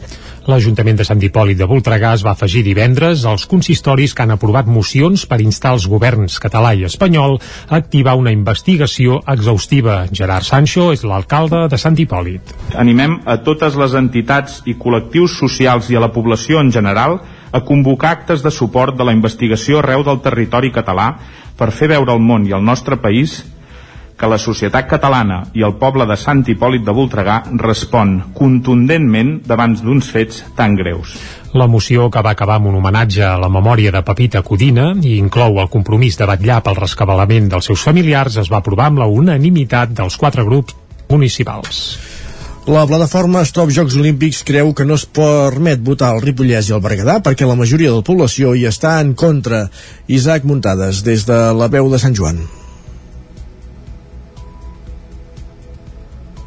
Sorpresa i indignació al Ripollès per no poder participar en la consulta vinculant que el govern de la Generalitat farà a la primavera per decidir quin ha de ser el futur de la candidatura dels Jocs Olímpics d'hivern 2030 a Barcelona-Pirineus. La consellera de Vicepresidència, Laura Vilagrà, va explicar divendres en una roda de premsa que només hi podrien participar els majors de 16 anys que resideixen a l'Alt Pirineu i l'Aran, per tant a les comarques de l'Alta Ribagorça, l'Alt Urgell, el Pallars Jussà, el Pallars Sobirà, la Cerdanya i la Vall d'Aran. Això serien un total de 60.000 persones. La no participació del Ripollès, tot i veure's afectada pel desenvolupament dels Jocs es deu al fet que la majoria de competicions es faran a l'Alt Pirineu i l'Aran. Tampoc podran votar-hi el Berguedà i el Solsonès. Cal recordar que entre els tres territoris tenen uns 78.000 habitants, una xifra que si es redueix a aquelles persones que podrien expressar el seu dret a vot seria similar a les altres sis comarques juntes. Emma Rojas, de la plataforma Stop Jocs Olímpics, considera flagrant que no s'hagi inclòs almenys el Ripollès i el Berguedà, que són dues comarques que estan participant en la taula de diàleg on s'ofereix informació de la candidatura. Aquests en serien els motius. Això només s'explica perquè aquestes dues comarques són precisament les comarques que reben l'impacte més negatiu del turisme de masses a cap de setmana, que utilitza i col·lapsa cada cap de setmana, cada divendres a la tarda i cada diumenge a la tarda a la C-17, la C-16, els passos de Ribes de Freser, els passos de la Molina, els passos de la Collada de Tosses i de, del túnel del Cadí, que són uns impactes molt negatius pels propis residents de les comarques no? i que estan generant una massa molt crítica enfront d'aquesta candidatura. No? Llavors només entenem que el govern pretén excloure aquestes dues comarques perquè hi hagi un suport més explícit als Jocs Olímpics del que hi hauria. Rojas va apuntar que Vilagrals havia dit que la intenció era fer la consulta a finals d'any perquè hi hagués temps d'explicar-ho als territoris afectats, ja que ni els ajuntaments ni els consells comarcals ni la ciutadania en sabien res i que el fet d'haver canviat d'opinió per fer la consulta a l'abril i a correcuita pretenia ser un xec en blanc, perquè encara no se sap l'impacte que tindrà pel territori ni les infraestructures que es construiran. Un canvi de data que, segons Rojas, pretén afavorir les elites econòmiques amb qui ja s'han pactat uns acords. La plataforma Stop Jocs Olímpics creu que és propaganda política els resultats de l'enquesta que deia que el 73% dels catalans estaven a favor dels Jocs, quan només s'havia preguntat a unes 1.500 persones i 300 eren de l'Alt Pirineu i l'Aran, i que els Jocs generaran un impacte negatiu en l'accés a l'habitatge, precarietat laboral, infraestructures o a la natura. I continuem, Isaac, perquè les crítiques sobre aquesta decisió d'apartar les comarques del Ripollès, el Berguedà i el Solsonès d'aquesta consulta vinculant per decidir sobre la candidatura dels Jocs Olímpics d'hivern del 2030 també han arribat al Consell Comarcal del Ripollès o d'alguns ajuntaments de la comarca. Continuem, Isaac Montades, com dèiem, des de la veu de Sant Joan. El president del Consell Comarcal del Ripollès de Junts per Catalunya, Joaquim Colomer, va recordar que ell sempre ha estat en contra que es fes una votació per decidir si es presentava la candidatura o no, perquè, segons diu, és un projecte molt important pels Pirineus i el govern de la Generalitat hauria de tenir una postura clara clara, ferma i decidida. Colomer apuntava que els jocs permetrien revitalitzar la zona i posicionar els Pirineus al món. Per tant, era inútil destinar mig milió o 800.000 euros per fer una consulta quan es podrien destinar a les infraestructures existents o a fer-ne de noves. El president del Consell també deia que hi ha gent com la plataforma Stop Jocs Olímpics que diu que es destrossarà el territori, però ell assegura que la filosofia del Comitè Olímpic Internacional és preservar i cuidar-lo. De totes maneres, Colomer subratllava que primer de tot cal tenir un projecte clar sobre la taula. El que hauríem de tindre és un projecte clar sobre sobre la taula. I quan dic un projecte clar és de dir, per exemple, la proposta de Jocs Olímpics 2030 quin és? Doncs mira, aquí la teniu. Les proves de gel es faran o a Barcelona o Puigcerdà. Les proves d'esquí es faran o a la Vall d'Aran o a la Masella. Jo crec que hauries de començar a definir, perquè tot sembla, la, la, les proves seran repartides totes cap a la zona de l'Aran. I, I per tant, nosaltres, com li vaig dir la consellera, aquí, a priori, seríem com unes comarques de segona, la qual, doncs, podríem rebre alguns entrenament o algunes exhibicions i poca cosa més.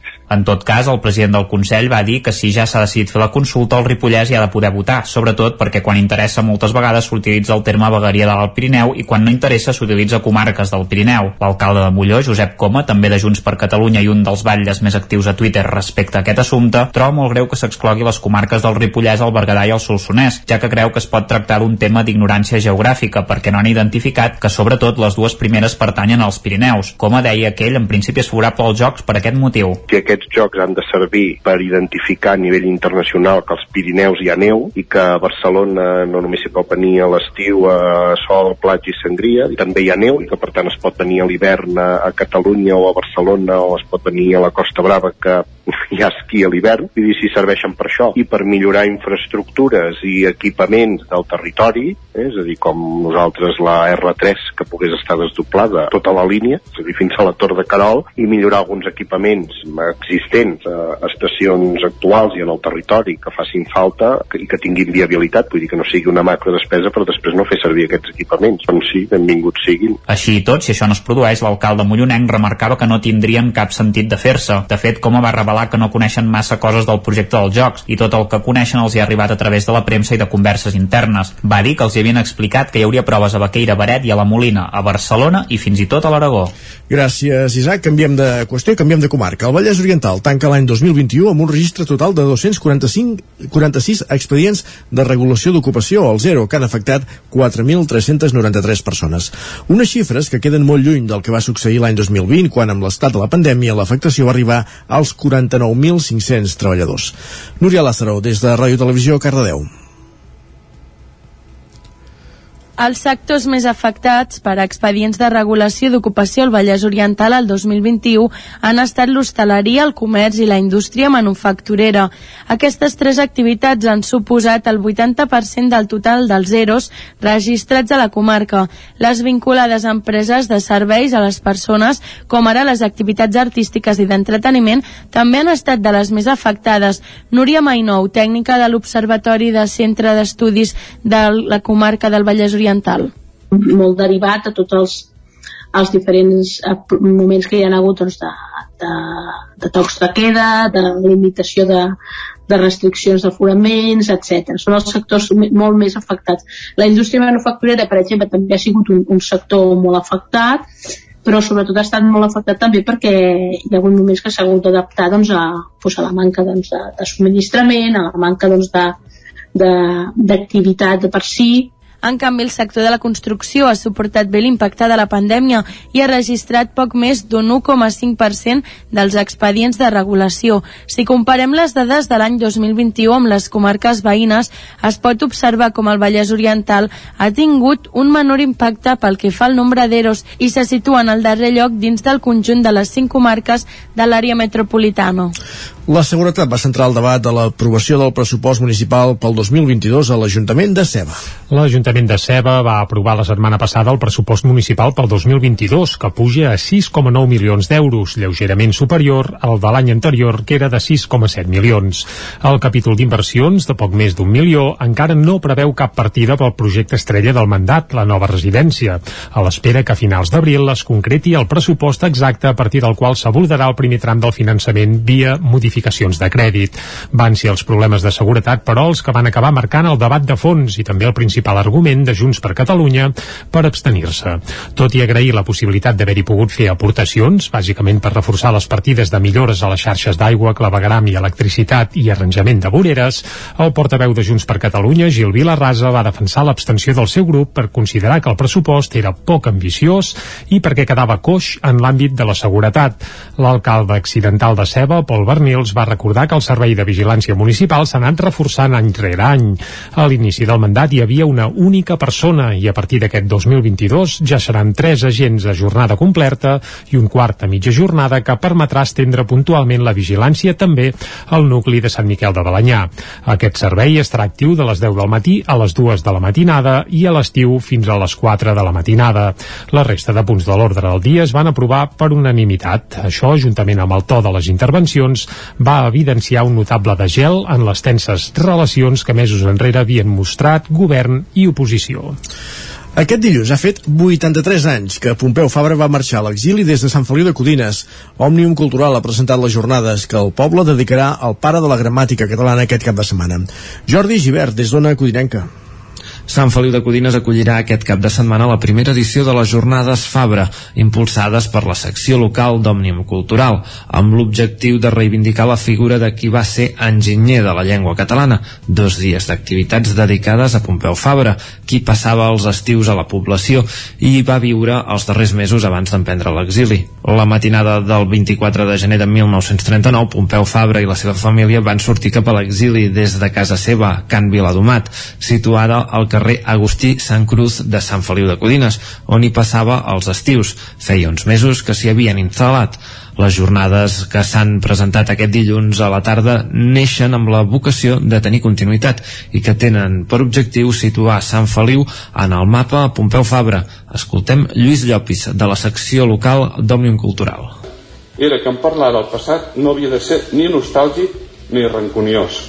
Havia de ser de constatació d'allò que va passar i una proposta per evitar repetir confrontacions violentes en el futur. L'activitat es farà sempre a finals de gener, per ser fidels a les dates que Fabra va marxar de Sant Feliu i pretenen fer una mirada al passat, però també al present i al futur de la llengua. Ahir l'exconseller de Cultura Lluís Puig, des de l'exili a Brussel·les, va intervenir a l'acte de manera telemàtica per recordar també que l'exili i la repressió són vigents. El fil que em relliga la celebració d'aquestes jornades no apela a la nostàlgia, sinó al compromís de país que s'articula indefectiblement a partir de la defensa d'uns dels pilars principals, la seva llengua, en el nostre cas el català. Deia que el fil que em vincula aquesta trobada és un record feliç de la meva etapa com a conseller de Cultura del Govern de Catalunya, en la qual vam treballar molt intensament preparant el que seria, l'any 2018, la commemoració oficial de l'any Fabra. Una doble commemoració que es va marcar com a objectius principals el fet de recordar i divulgar la figura i l'obra de Pompeu Fabra a recent dels 150 anys del seu naixement, però també coincidint amb els 100 anys de la publicació de la gramàtica catalana. Fabra ha estat i és encara un referent indiscutible a l'hora d'articular això que diem la nació catalana. Paral·lelament a les jornades, durant el cap de setmana també es podran visitar tres exposicions al Centre Cívic, les titulades Maria Barbal, de Trem al món i Pompeu Fabra, una llengua completa, i a la Biblioteca Joan Petit i Aguilar, Pompeu Fabra, el científic de la llengua, fins al 5 de febrer. Gràcies, Jordi, que aquest repàs informatiu anem a la previsió meteorològica. Casa Terradellos us ofereix el temps. I si anem a la previsió meteorològica, vol dir que saludarem de nou altra vegada en Pep Acosta, que ja el tenim a l'espera. Pep, bon dia, va. Bon dia. Hola, molt Hola. bon dia. I bona hora. Ha pujat la temperatura una mica, cap prelitoral, cap al Vallès. Uh -huh. i eh, serà la tònica de tota la setmana eh? Uh -huh. aquest anticicló, aquest famós anticicló situat al centre d'Europa, no es vol moure, no hi ha manera.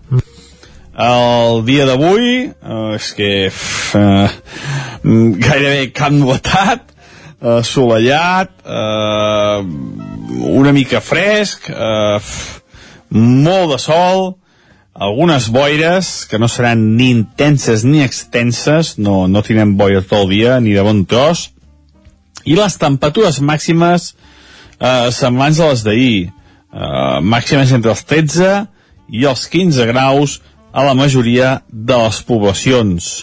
Uh, vents molt encalmats, en definitiva, un temps molt, molt encalmat, uh, molt tranquil, i gairebé cap, cap, uh, cap canvi, cap novetat, res a destacar, eh? Uh, tot molt, molt, molt pla, molt monòton, uh, es nota que tot està massa tranquil, massa tranquil, perquè necessitem canvis, necessitem pluja, necessitem una mica de, de, de moviment, eh? una mica de moviment meteorològic, perquè està cosa molt ensupida i els homes del temps necessitem una mica més de, de canvis, eh? una mica més de, de moviment, eh? perquè és que no, no ens agrada, no ens agrada aquest panorama que hi ha ja tants i tants dies i no, no poca cosa més pel que fa el temps a disfrutar el dia d'avui un altre dia anticiclònic abrigar-vos una mica al matí, fa una mica de fresca però ja dic, a migdia entre 13 i 15 graus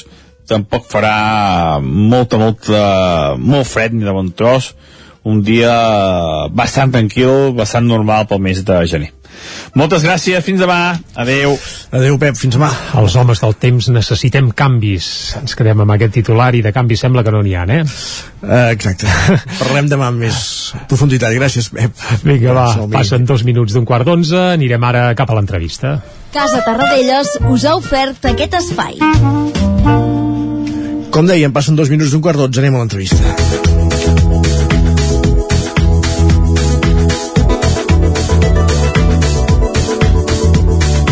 El passat mes d'octubre, el Club Vol Lliure Serra Cavallera de, Parapent de Sant Joan de les Abadesses i Ugassa va iniciar una campanya de micromecenatge a Berkami per fer un mapa de vol del Ripollès per practicar Hike and Fly. El mapa ja és una realitat, de fet n'hi ha dos, un de la part oest del Ripollès i l'altre a la part est dels que estan a escala U25.000. Isaac Muntades, des de la veu de Sant Joan. Bon dia, Isaac. Doncs sí, avui volem parlar una mica més d'aquests dos mapes de vol per practicar la modalitat eh, de hike and fly, eh, que vindria a traduir-se literalment com a camina i vola o com a corre i vola i ho farem amb el president del Club Vol Lliure Serra Cavallera, en Xavier San Fulgencio, que el tenim avui a l'estudi amb nosaltres. Bon dia, Xavier, i moltes gràcies per ser aquí amb nosaltres. Hola, molt bon dia, moltes gràcies a vosaltres. Primer de tot, el mapa ja està fet, de fet ja l'hem pogut tenir a les nostres mans, és bastant enorme, eh, però per què va sorgir la necessitat de fer-lo? Eh, tot, mm, bueno, el que fem és seguir l'estela d'un club eh, del Berguedà, que el van fer fa ja potser, potser 3 anys o 4, vam fer-ne un, i nosaltres eh, volíem fer un que enllacés amb, amb el Berguedà i continués més cap a l'est perquè els vols eh, podrien ser molt llargs i es poden juntar fins i tot en les dues comarques.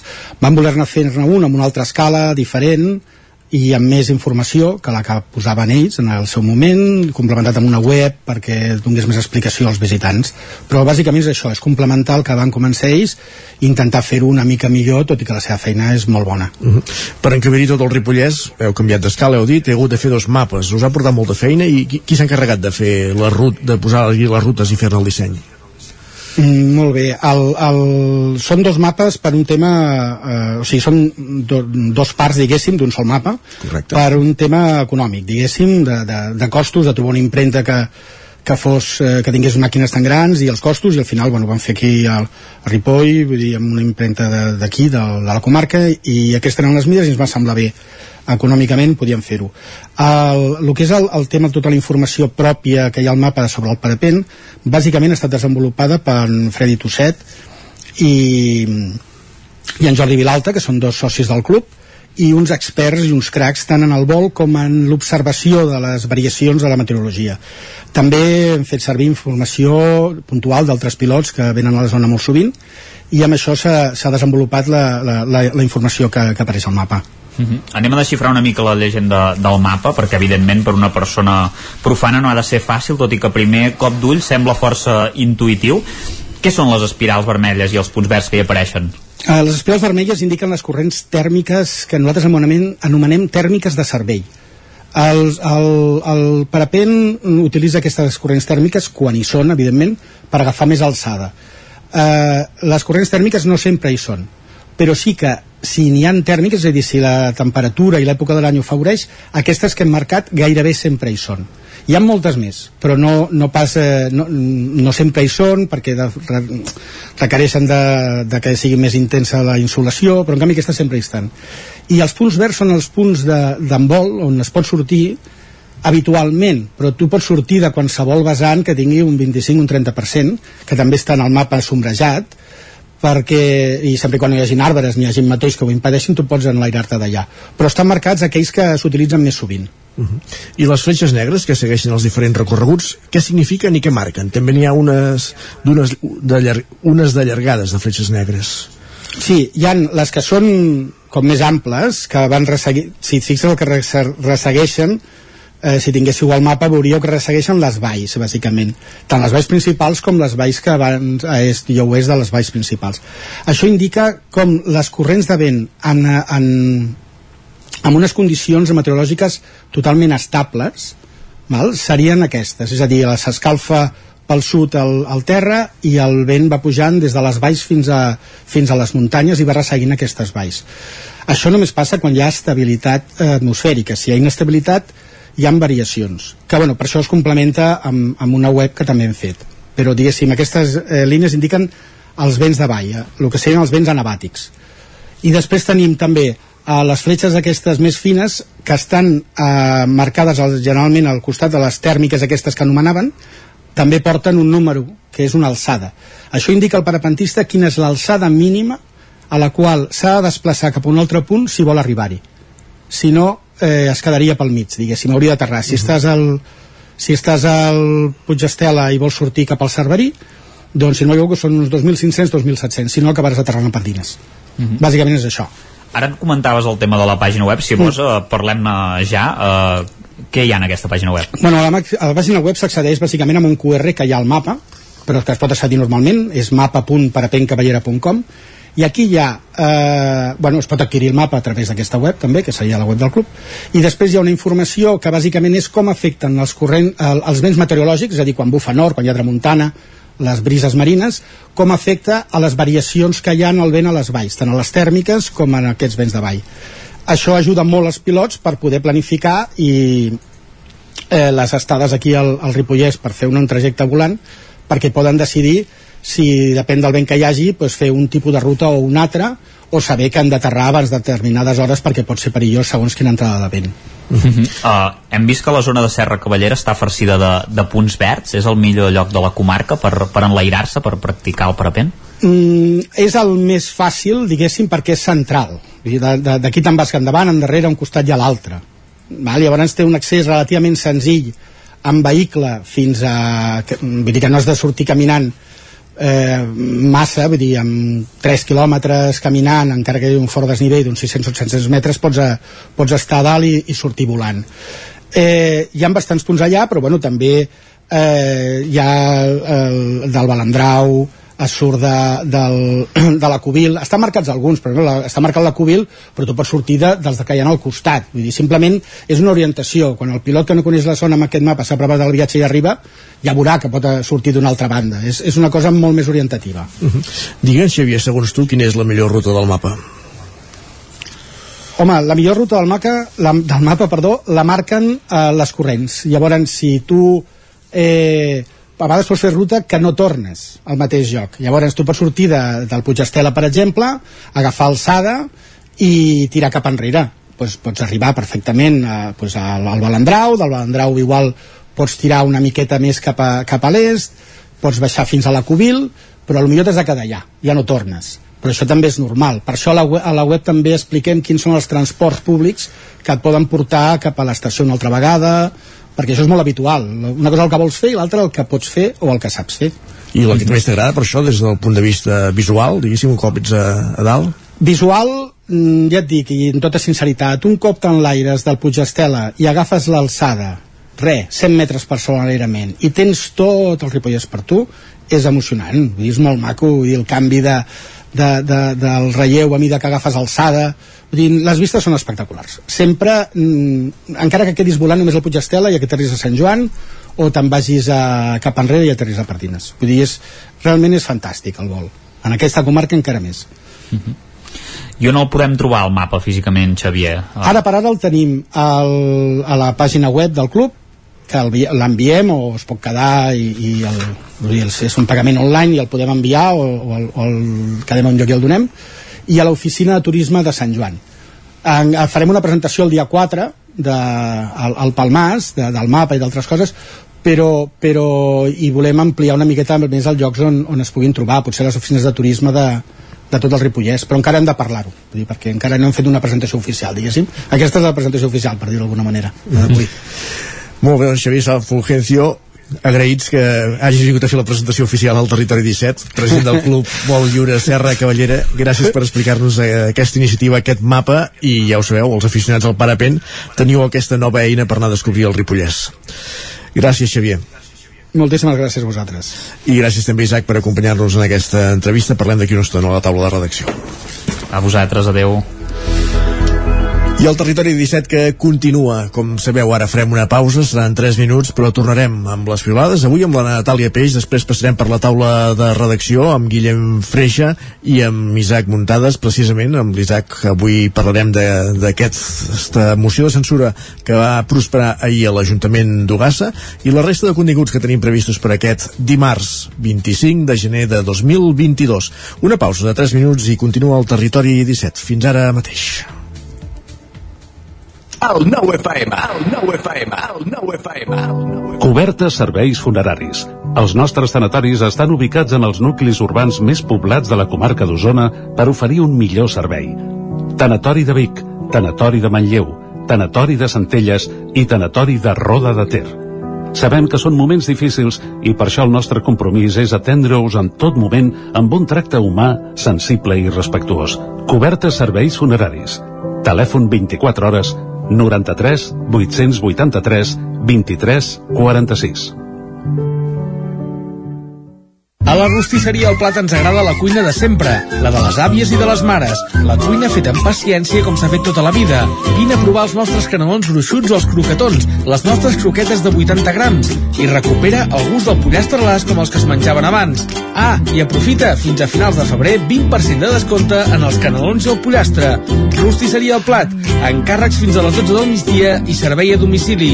Ens trobaràs de dijous a diumenge al carrer Església número 6 de Taradell o al 93 130 35 58 85. Les males herbes no et deixen veure i clar?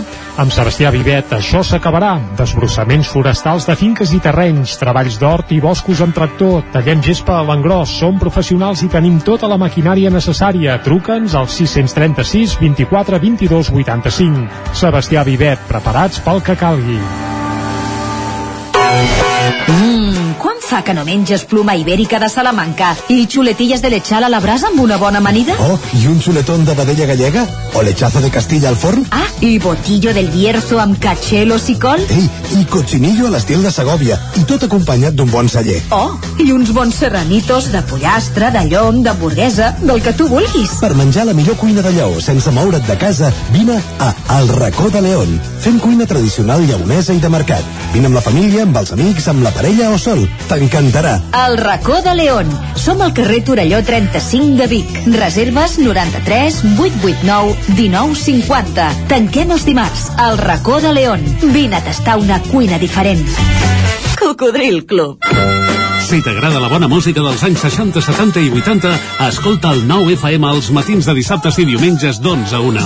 És el temps del Cocodril Club, tot un clàssic de la ràdio, amb les bases del pop-rock, les llegendes, les cançons que s'han convertit en autèntics himnes. Recorda, dissabtes i diumenges al matí, d'11 a 1, al 9 FM 92.8. Cocodril Club, el programa revival de l'Albert Malla.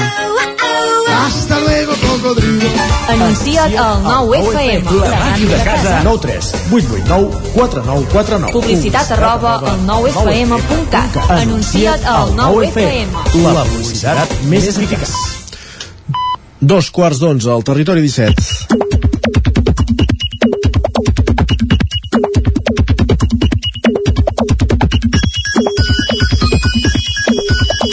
I a dos quarts d'onze, moment d'endinsar-nos a Twitter. I tant, ja ens hi capbussem de seguida, ho fem sempre amb en Guillem Sánchez, però avui en Guillem l'hem metamorfosejat, ha canviat i tenim la Natàlia Peix. Natàlia, molt bon dia. Què tal? Bon dia. Uh, recollirem piulades igualment per això, eh? I tant. I per on comencem, Natàlia? Doncs comencem amb un missatge de la Marta, a veure si us ha passat mai. Diu, hi ha coses desagradables i després hi ha esternudar amb la mascareta posada. Què us sembla? Uh, sí, un desastre. Pot ser desagradable, però els usuaris de Twitter no deixen mai de sorprendre'ns i encara hi trobem una possibilitat de més sensació desagradable. Quina? La que ens diu Ai, l'usuari. God of War esternudar amb el cas de la moto posat i la visera baixada. Supera-ho li diu a, a la Marta. Home, hi deu haver una entelada general que si va amb moto és molt perillosa. Uh, bé, què hi farem?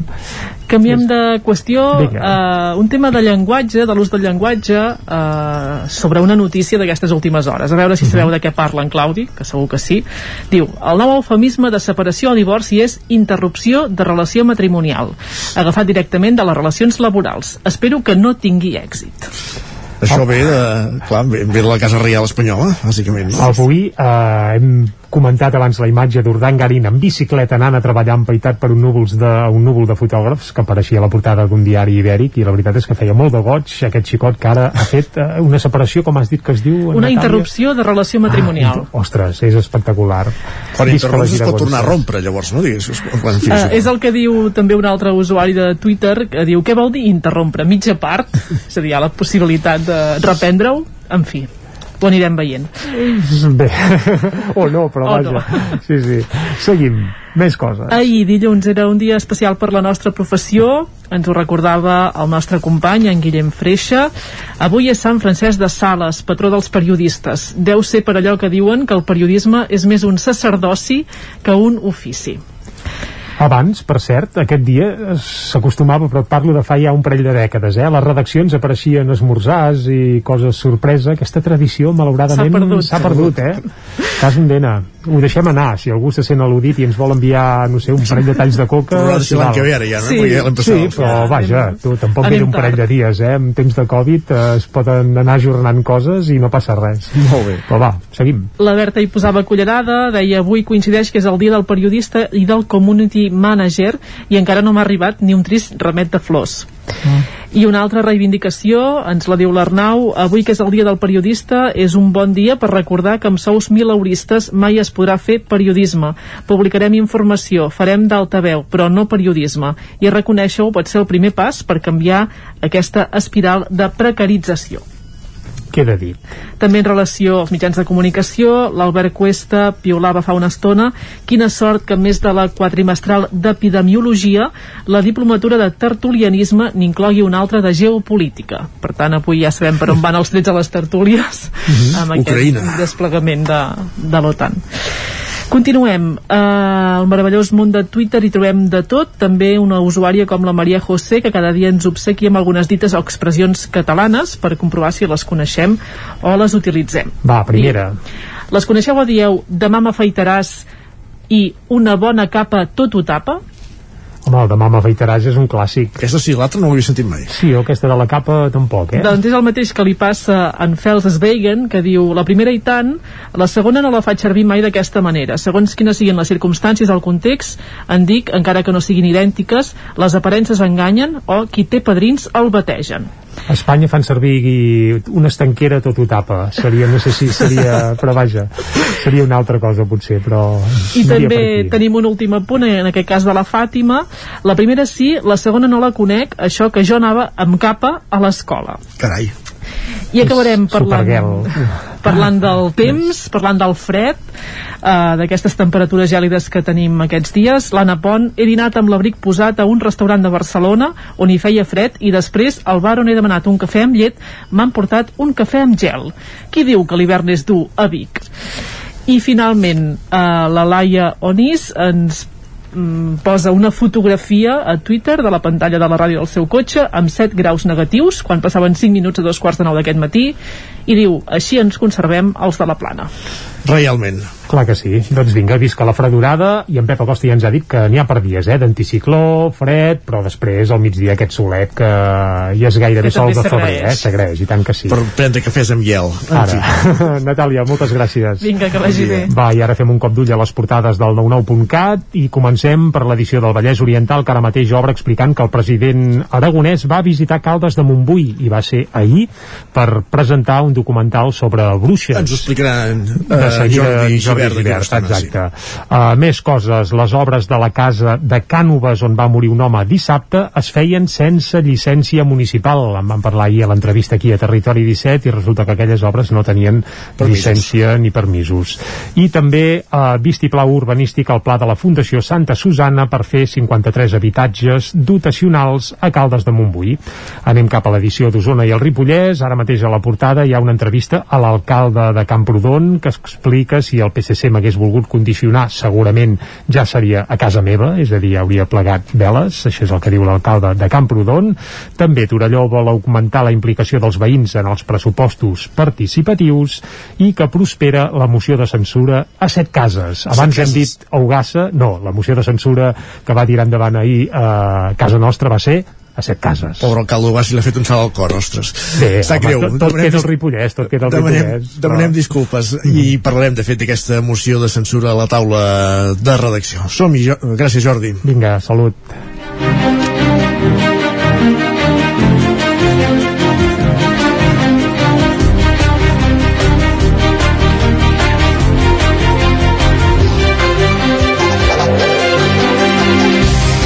La taula de redacció parlarem amb l'Isaac Muntades d'aquest ple de moció de censura i a set cases, però també parlarem de la biorefineria, d'aquesta prova pilot amb un, de generar combustible o de donar-hi noves utilitats als purins que es va presentar, que es va presentar, sí, divendres, en una masia, en una granja de Muntanyola. Guillem Freixa, bon dia. Hola, molt bon dia. Explica-ho tu perquè estic estupès, eh? Amb aquesta introducció ja ho has vist. Sí, no, el, el concepte és, és curiós, eh? crida l'atenció. Biorefineria, no? Ho associaríem segurament a, a, a petroli, no? Si ens haguessin de dir què, què et fa pensar aquest concepte.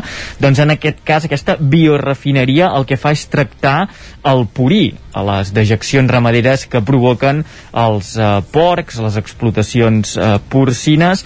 Eh, aquesta biorefineria la impulsa el Centre Tecnològic Beta de la Universitat de Vic, Universitat Central de Catalunya, i forma part del projecte eh, Fertimanure, que, com dèiem això, eh, es coordina des d'aquí Vic, però, eh, diguem, té ramificacions en cinc països europeus. Per tant, és una cosa de molta envergadura.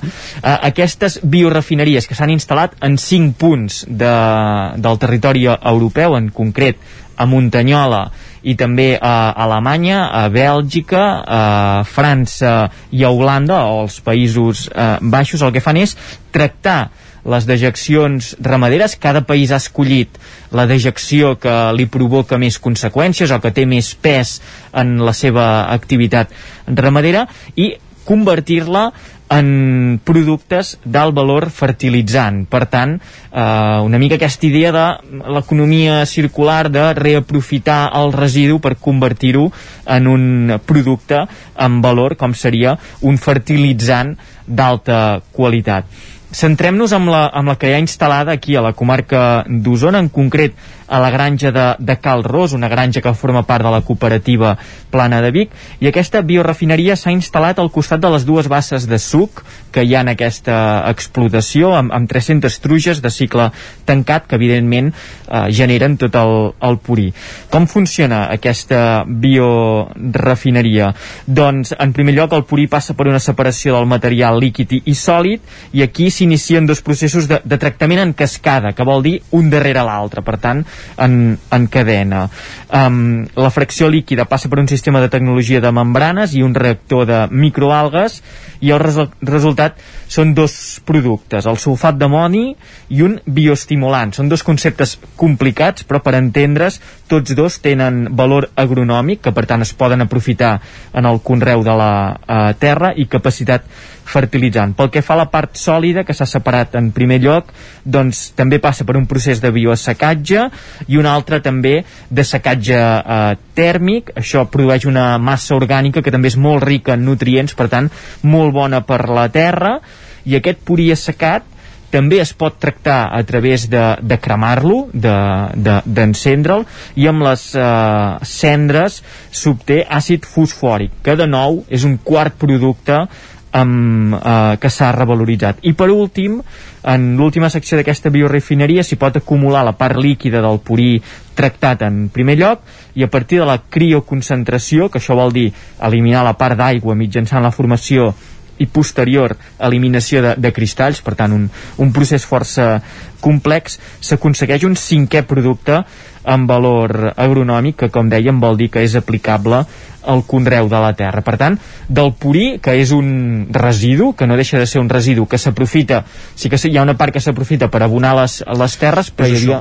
Sempre hi ha l'excedent, que és el que o tractem en plantes, que, que, que és el que es converteix en residu i en fent aquest tractament es reutilitza i evitem allò de, de que s'aboqui en excés a les terres i continuem continu, contaminant aqüífers, per entendre. Exacte, aquesta Aigües és, del subsol. És la idea en què posaven eh, més èmfasi des del Centre Tecnològic Betes, Beta, Laia Llenes remarcava aquest fet, eh, que, que es busca revaloritzar el purí i aconseguir aquest residu zero. Això seria eh, fantàstic, ara comença un període de, de dos anys d'aquesta prova pilot amb les biorefineries ja funcionant diguem al, al 100% i se n'hauran d'extreure conclusions i en la presentació d'una banda el rector de la Universitat de Vic, Universitat Central de Catalunya Josep Aladi Baños remarcava el fet que no sempre és possible que els resultats d'una recerca acadèmica tinguin una aplicació en un tema eh, tan important i que genera tantes conseqüències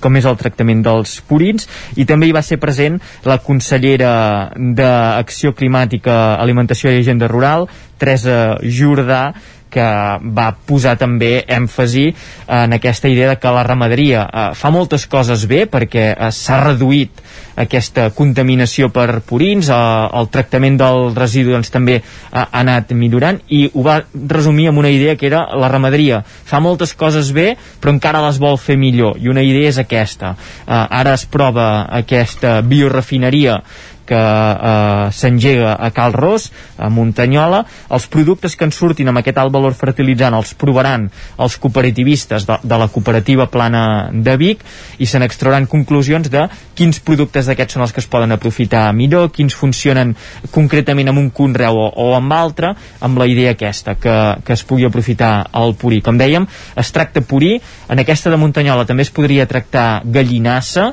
però per exemple ens deien que als Països eh, Baixos o, o a França les biorefineries es centren en les dejeccions d'explotacions de, de vaques, per exemple, uh -huh. per tant que s'ha anat diversificant eh, aquest tractament de, de residus. I veurem si això és aplicable a més granges, primer hem de passar aquest període de, de prova uh -huh. i després veurem la seva aplicació real en més llocs. Exacte. Moltíssimes gràcies, Guillem. Adéu, bon dia. Bon dia. I ara sí, saltem d'Osona cap al Ripollès. Isaac Montades, bon dia de nou. Dia de nou. I explica'ns una mica com va anar aquest ple, aquesta moció de censura que finalment va prosperar a l'alcalde, a l'Ajuntament, perdó, de, de Set Cases i per tant hi haurà canvi d'alcaldia. Sí, de fet, eh, ahir doncs ja eh, Joan Casadevall va ser proclamat nou alcalde de Set Cases després de guanyar doncs, aquesta moció de censura i, i fer fora Anna Vila que no li va, no li va lliurar la, la vara d'alcalde com és tradició, sinó que va, va marxar i va haver-ho de fer doncs, l'anterior alcalde, Carlos Fernández. Recordem que és una moció de censura una mica especial perquè eh, Anna Vila, que és la, la que l'actual alcaldessa, doncs va presentar Esquerra Republicana a les eleccions amb Joan Casadevall i, i Núria Vila, eh, dos de les persones que han, que han votat a favor de la moció de censura, els quals també s'han aliat amb Carlos Fernández, l'exalcalde, eh, per fer eh, fora Anna Vila. Es dona la casualitat que en el seu dia, si ho recordeu, Anna Vila va entrar com a alcaldessa després d'una moció de censura en què van fer fora Carlos Fernández i que tenia el suport de Joan Casadevall. Per tant és una mica tot eh, bastant curiós el, el que està passant a set cases. Eh, l'única que va votar en contra de la moció eh, va ser Vila, evidentment i, i va tenir una abstenció del regidor socialista Francisco Mercè que sí que deia que ell no havia vist eh, doncs, que hi hagués tanta problemàtica i tanta falta de comunicació amb l'alcaldessa i no, no hi estava d'acord eh, bàsicament els motius per justificar la, la moció de censura. Una moció de censura que hem de dir que no va tenir gaire expectació, pràcticament hi havia quatre mitjans de comunicació i només una persona al públic, per tant s'ha de dir que no, no, no va ser gaire, gaire seguida. Uh, i Casa de Vall uh, va dir bàsicament que, que l'alcaldessa s'havia quedat sola pel seu comportament perquè havia estat intransigent i, i autoritària que que s'havia oblidat dels seus votants, que ells ja, ja l'havien avisat de que no estava fent les coses bé, primer ho van fer um, dues dimissions amb un mes de diferència el mes de maig de l'any passat que va fer que Vila hagués de governar en solitari fins llavors, després anunciant una moció de censura per veure si reaccionava, no es va produir cap d'aquestes coses i, i, i s'ha produït també es va Joan Casadevall li va recordar que això també venia una mica per les juntes de govern, que Anna Vila les va dissoldre, ella va voler fer un consell de govern, això no, no la resta de regidors no ho van tirar endavant, tampoc es va fer. Per tant hi va haver una sèrie de, de polèmiques durant eh, aquest mandat, durant aquests més de dos anys i mig de mandat en què uh, ja, ja s'havien enfrontat no? Uh, i, i sobretot eh, destaca el fet doncs, que Cana Vila va qualificar doncs, que això també era com una espècie de reprimenda i que era una venjança en al·lusió a, quan va fer fora Carlos Fernández que ara ell sí s'hi havia tornat i a la cara el tenia a menys d'un metre de distància a, a la taula on es celebrava el ple li va dir que ell en més d'una ocasió li havia comentat que no li queia bé i, i que la volia fora de l'alcaldia. Vull dir que realment eh, ell, Carlos Fernández en el fons va dir que que era una qüestió de justícia, no de venjança, que li havia sigut greu. Li va faltar dir justícia poètica segurament, però, però, però bé, va, va dir això i va, va haver-hi moments de, una mica de, de tensió eh, en, en el ple. En tot cas, ara l'alcalde, per, per acabar una mica, sí que va dir que ell eh, vol governar de forma assembleària, comptar amb tots els regidors. Eh, això inclou a Vila. De fet, ell vol governar els cinc regidors, que tots eh, prenguin les decisions. Mm -hmm no serà fàcil, evidentment, perquè Vila ara mateix està fora. Sí que després del play va haver-hi una espècie de corrillo, diguéssim, entre cometes, entre uh, Núria Vila, Joan Casadevall i, i Francisco Mercè, que en principi sí que hi està d'acord, ell, ell no va votar a favor de la moció de censura, però tampoc va votar en contra i, i sí que ho veu bé això de, de, de governar tots plegats com fins ara, però veurem com, com acaba, ja us, ja us ho anirem explicant. Ambient caldejat a l'Ajuntament de Set Cases i exacte, veurem com evoluciona aquest any i mig que resta de, de mandat, encara no un any i mig. Gràcies, Isaac. A vosaltres, adeu, bon dia. Bon dia. Acabem aquí la taula de redacció. Ens endinsem a parlar d'aus, d'ocells, amb el Centre d'Estudis dels Rius Mediterranis.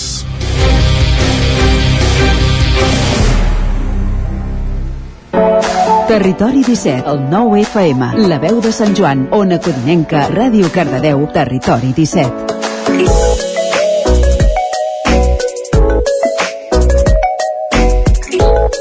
12 minuts perquè siguin les 11 i com ja sabeu un cop al mes ens acompanya algun dels representants, algun dels membres del Centre d'Estudis dels Rius Mediterranis de la Universitat de Vic, en aquest cas avui parlem amb el seu director, amb en Marc Ordeix. Bon dia, Marc. Hola, bon dia. Com estem? Molt bé, home. Avui volem... Ah, sí, això sí que ho tenim. I, i els que us heu d'acostar al riu també, déu nhi Les temperatures són baixes. Que de fet avui el que volem parlar és d'això, d'una sortida que vau fer el cap de setmana precisament al riu a veure les aus que hi ha aquesta època de l'any, on les aigües són més fredes, diguéssim, no? Uh -huh.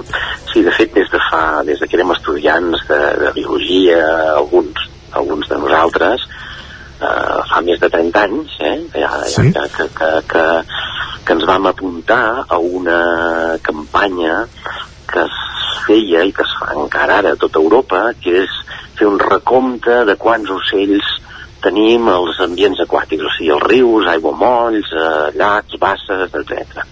I veiem que això ho feien eh, una mica per, per tots els espais naturals, sobretot parcs naturals, i i nosaltres vam dir per què no ho fem aquí eh? a Catalunya es havia començat a fer el Parc Natural del Delta de l'Ebre, s'havia començat a fer també els aigües de l'Empordà, i, i vam dir, ostres, aquí tenim espais com ara el, el, el, el, el Pantà de Sau i el Pantà de Susqueda, que hi ha molts ocells i que potser doncs, ens valdria la pena fer-ho i ens vam animar i des de llavors vam començar a 3 o 4 i ara doncs, eh, doncs som una, una cinquantena de persones que, com per exemple aquest dissabte, el dissabte 15 de gener, no, fa, fa una setmana llarga, doncs que vam recórrer tot el Ter eh, des de la capçalera fins als pantans, i altra gent ho va fer a altres parts de Catalunya, mm -hmm. eh, però nosaltres vam fer aquest tros, per veure ja amb quants ocells hi ha, i, i van, quins, quins han vingut a passar l'hivern aquí, perquè encara que faci fred doncs no n'hi fa tant com al nord d'Europa i, i canvis que hi ha d'un any a l'altre, etc etc. I quins ocells hi trobem en aquestes èpoques gèlides als rius? eh, clar, hi ha molts ocells que viuen al nord d'Europa i que amb el fred que fot allà, que, que comparat amb aquí és res. Eh? Eh, està tot, tot glaçat, no es poden submergir, no troben menjar i decideixen anar, anar a riu avall, no? Sí. O anar, anar a Europa avall, diguem, eh? cap, a la, cap a la Mediterrània. Eh, aquí, aquí trobem, per exemple, ocells eh, com, per exemple, els cors marins, eh? aquests ocells negres, foscos, que tenen mala fama pels pescadors, perquè doncs, mengen peix i, i clar, els fan una mica la competència, eh, que la resta, la resta de l'any no hi són. Eh, els cors marins del, del centre i el nord d'Europa doncs venen cap aquí perquè teòricament doncs, mm, els rius no estan glaçats i, i poden, poden seguir pescant tot i el fred, no? Sí. Mm, aquest any s'han trobat que alguns trams del riu estaven glaçats i han hagut d'anar una mica més avall, eh? però vaja, mm, en general poden seguir submergint-se i, i menjant. A banda de cors marins, doncs, per exemple, eh, hi ha altres ocells que hi són tot l'any i que potser a l'hivern s'hi afegeixen alguns exemplars de venen, que venen de més lluny, com per exemple els ànecs. Eh? Uh -huh. L'ànec collverd, aquest ànec que ens hi hem anat acostumant, però que fa 30 o 40 anys n'hi havia molts poquets i que ara doncs, la gent els està respectant, la gent escassa menys, etc.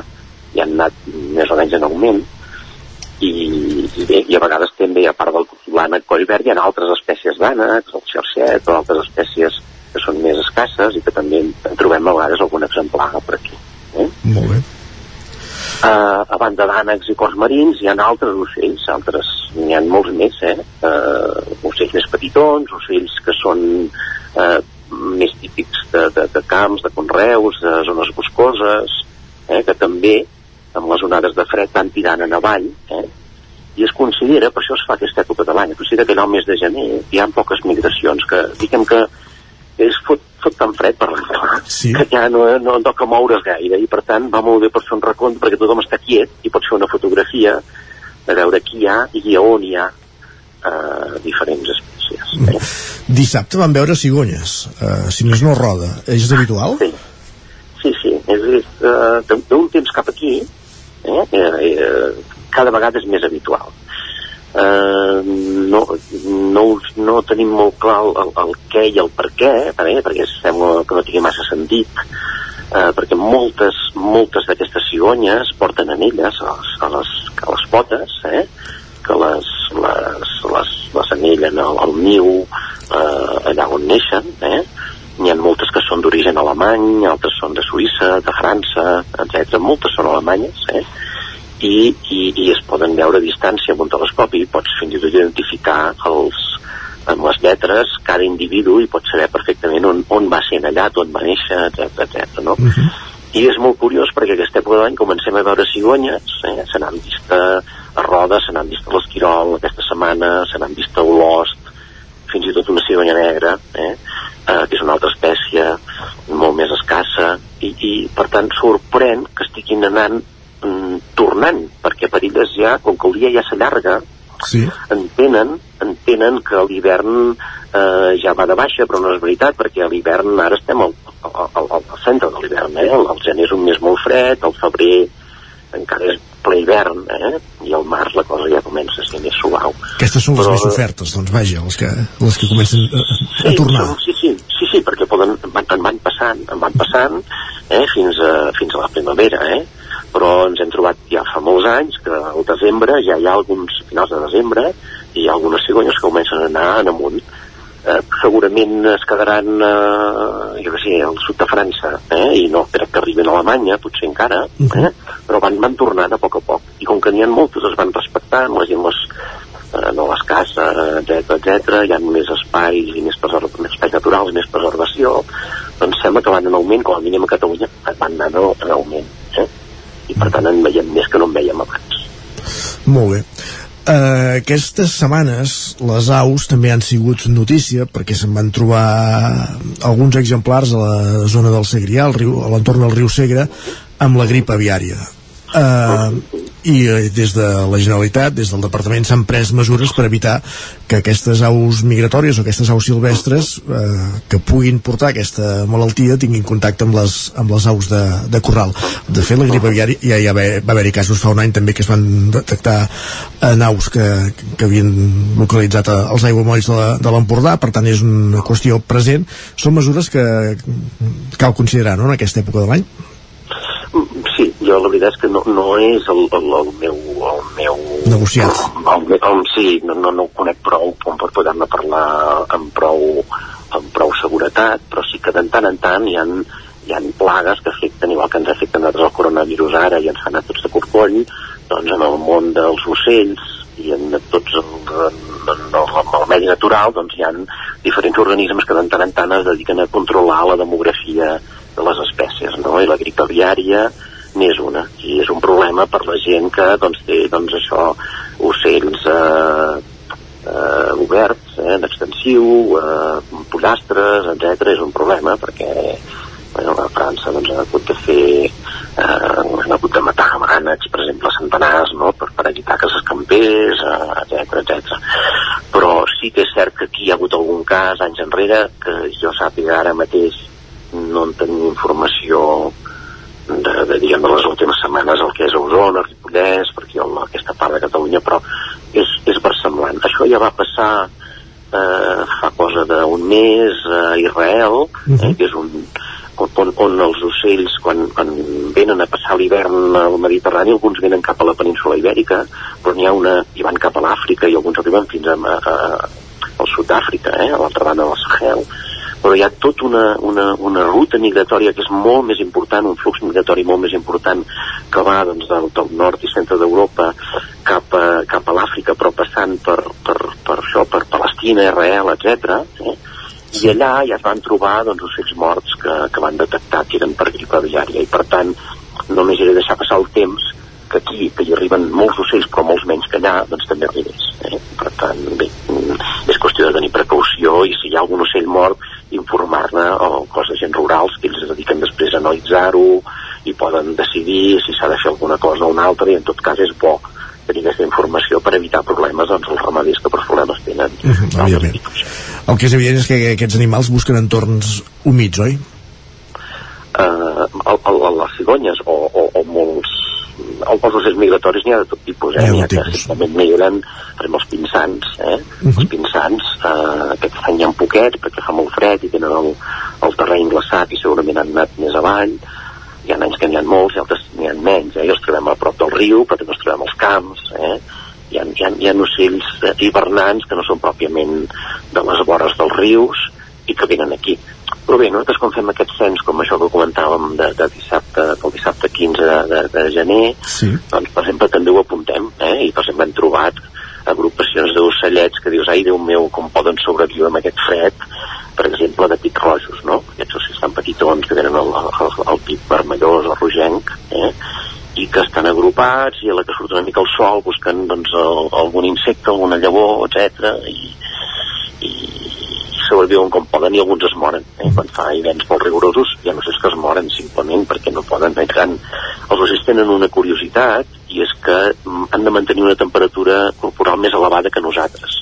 Eh? Per, és com un, un, un, un, un cotxe de carreres que abans de córrer ha d'estar engegat i s'ha d'estar escalfant, Correcte. doncs ells han de tenir una temperatura no, no de 36 i mig com nosaltres, sinó de 43 graus. Aquests 43 graus, el, i sent tan petitons, vol dir que tenen molta pèrdua d'escalfor, eh? i per tant han de menjar molt, i amb el fred perden molta escalfor i han de menjar més que no pas a l'estiu. I, i amb el fred hi ha menys insectes hi ha menys eh, menjar a vegades disponible i per tant és un problema. I per tant sí que hi ha ocells que es moren simplement pel fred i perquè no troben aliment. Qui ho ha de dir, perquè precisament ai, aquests dies també a vegades passant per algun pont veus eh, la resclosa, l'aigua pr pràcticament gelada i, i, i ocells, bueno, evidentment ocells més grans, eh, gavians o altres animals per allà picotejant al, al mig del, del glaç pràcticament.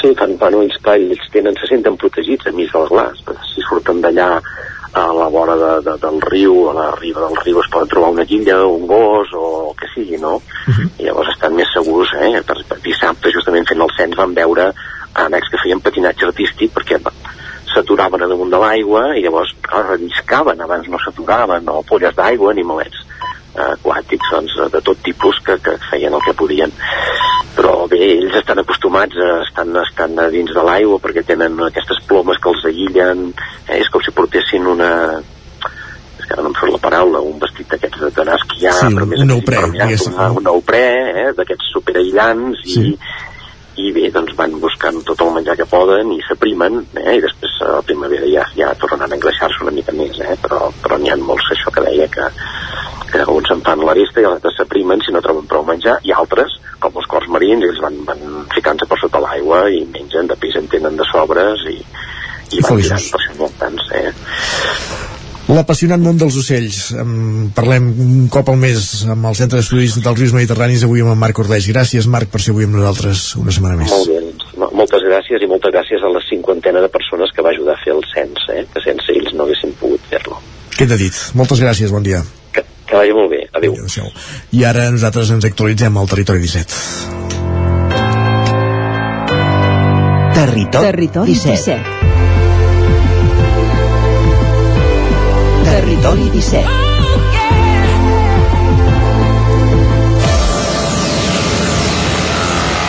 Passa un minut del punt de les 11. Territori 17, amb Isaac Moreno i Jordi Sunyer.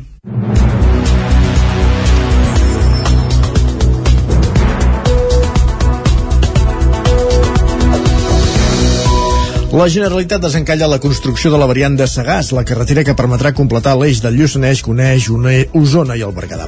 El conseller de Polítiques Digitals i Territori, el vicepresident Jordi Puigneró, va anunciar dissabte a Prats que s'està previst que les obres es liciten a finals d'aquest any i que s'executin durant el 2023. Durant la visita oficial que va fer dissabte a Prats de Lluçanès en motiu de la Festa Major d'hivern, el vicepresident i conseller de Polítiques Digitals i Territori, Jordi Puigneró, va anunciar la intenció del govern de licitar les obres de la variant de Sagàs, la carretera C62, a finals d'aquest any 2022, amb la intenció de començar les obres abans d'acabar l'any 23. Escoltem a Jordi Puigneró.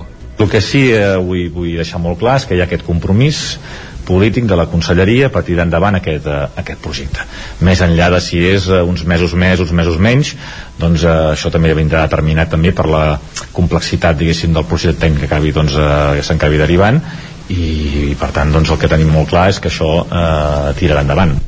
La variant de Sagàs és el darrer tram que queda pendent de la construcció de l'eix del Lluçanès, l'anomenada carretera C62 que va de Vic a Olvan. El projecte ha estat una reclamació constant dels agents econòmics i polítics del Berguedà per donar continuïtat a l'eix. La carretera es va construir entre els anys 2008 i 2013 per unir Osona i el Berguedà i acabar amb els revolts de l'antiga carretera que hi havia entre Gironella i Vic passant per Prats de Lluçanès i Olost. El primer tram que es va construir va ser entre Gurb i Olost i va permetre guanyar temps i acabar amb una zona molt perillosa de la carretera.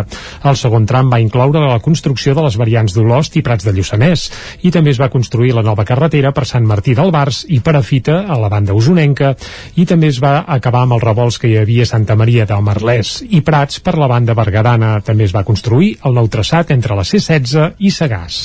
El president de la Generalitat, Pere Aragonès, va ser a Vic aquest dissabte en una jornada del voltatge polític. Acompanyat de l'alcaldessa i del pres el president va visitar l'Ajuntament, el Vic.0 i les instal·lacions d'Osonament, des d'on va fer una crida a potenciar la xarxa pública de salut mental. Durant la seva estada a la ciutat, Aragonès va carregar contra la sentència del Tribunal Superior de Justícia de Catalunya que obligarà les escoles a fer un 25% de les classes en castellà. Pere Aragonès va ser dissabte a en la seva primera visita oficial a la capital d'Osona des que és president. La primera parada la va fer a l'Ajuntament, on va signar el llibre d'honor. Tot seguit va visitar el Vic.0 i a quarts d'onze del matí va abandonar el nucli antic per dirigir-se a Osonament, una entitat de referència inicien la cura de la salut mental a la comarca on l'esperaven la seva gerent, Mercè Generó, i el president del Consell Comarcal d'Osona, Joan Carles Rodríguez.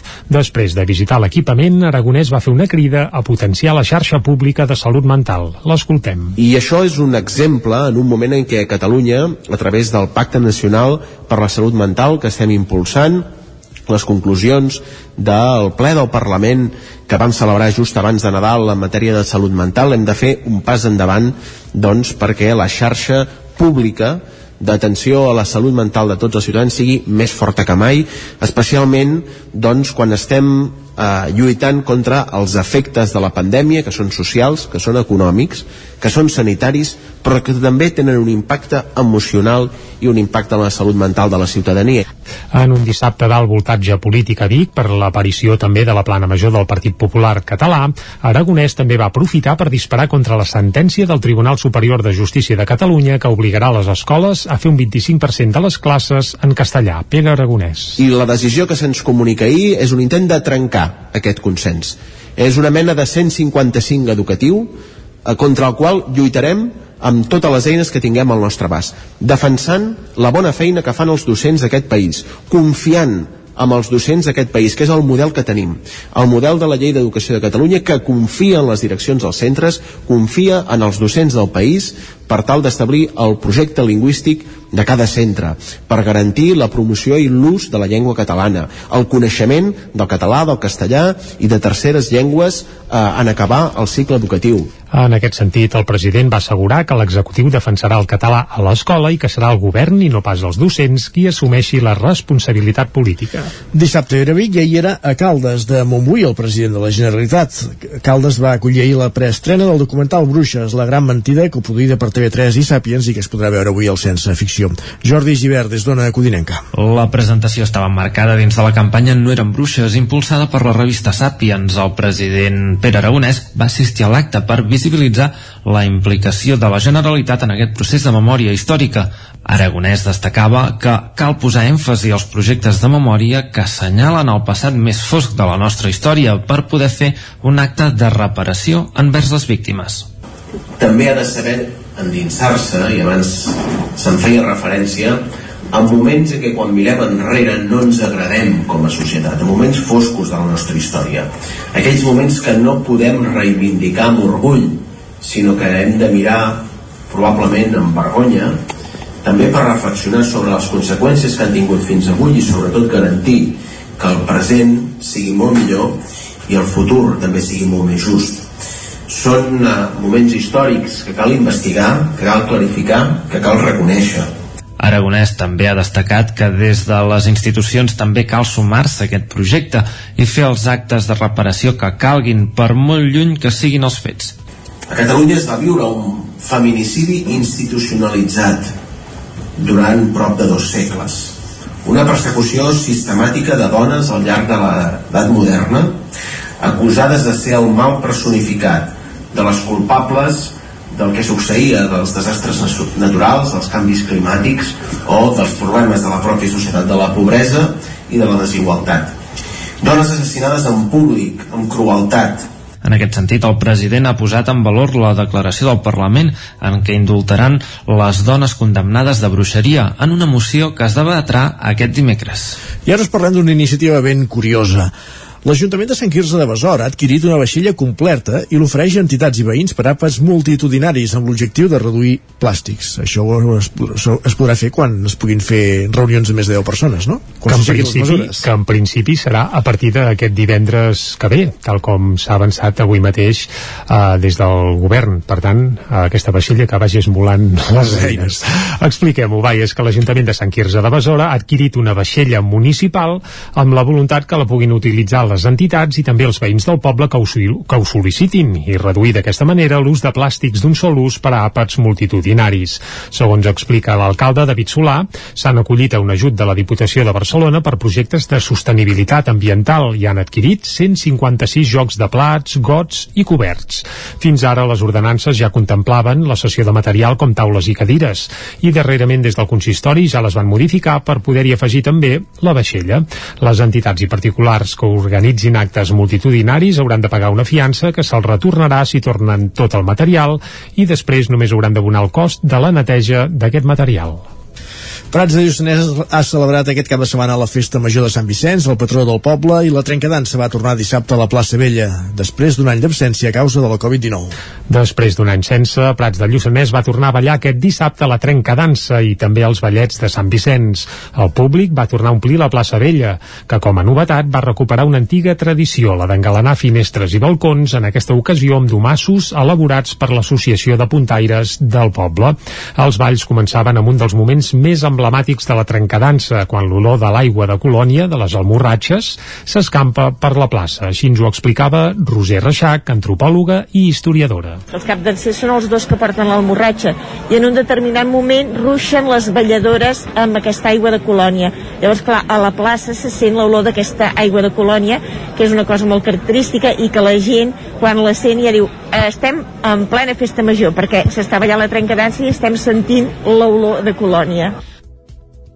Tot i poder-se recuperar, la situació de la pandèmia de Covid-19 va condicionar la ballada, d'una banda per la dificultat d'assajar i de trobar dansaires, i de l'altra perquè no hi va haver la corranda participativa final, quan es convida les persones del públic que ho desitgen a prendre-hi part, i que inclou també una competició d'aguantar les balladores alçades al màxim de temps possible. Jordi Bruc és l'alcalde de Prats de Lluçanès. Les condicions doncs, del Procicat i d'aquesta maleïda pandèmia ens permeten doncs, que va fent actes d'exterior, puguem doncs, els aforaments una miqueta més limitats. Sí que hi ha doncs, algunes coses que no es poden acabar portant amb total normalitat com serà per exemple el Ball del Poble però sí que bueno, qüestió és que estem aquí que la trencadansa està viva els gegants de Prats van tancar l'acte a la plaça, que també va incloure l'homenatge a mossèn Josep Casals, que s'ha retirat després de 26 anys exercint a Prats de Lluçanès. Altres moments destacats del cap de setmana a Prats van ser el pregó, que va fer Mercè Pere Arnau, o la serenata que va anar a càrrec de l'Orquestra Montgrins.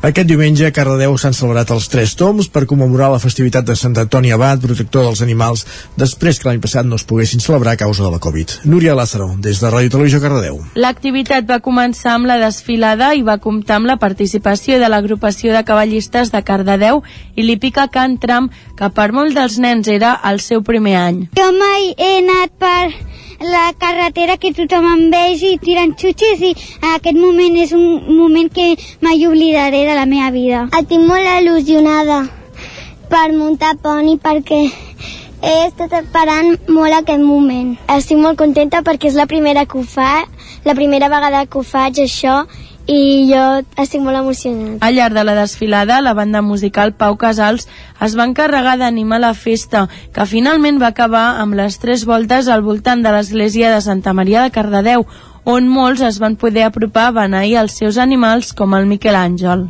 Es el primer año que venimos porque somos nuevos vecinos de Cardedeu y bueno, nos hemos entrado esta mañana precisamente de estas fiestas. A causa de la situació actual de pandèmia no es va poder fer la demostració canina i el repartiment de borregos i de vi. Gràcies, Núria. Acabem aquí aquest repàs informatiu que començàvem a les 11 i algun minut i que hem fet en companyia, com sentíem ara, de Núria Lázaro, Jordi Sunyer, Isaac Muntades i Jordi Givert. El territori 17 avança, continua. Moment tot seguit de parlar d'economia, com fem cada dimarts amb en Joan Carles Arredondo, des del 9-9 del Vallès Oriental, i avui fixant-nos amb la criptomoneda, amb la moneda virtual. Tot seguit al territori 17.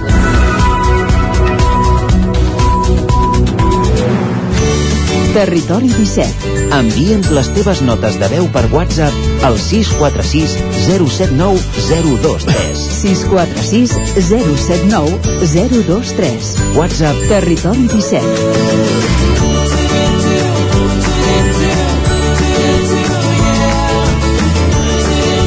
Territori 17. Som a Facebook, Twitter i Instagram amb l'usuari Territori 17.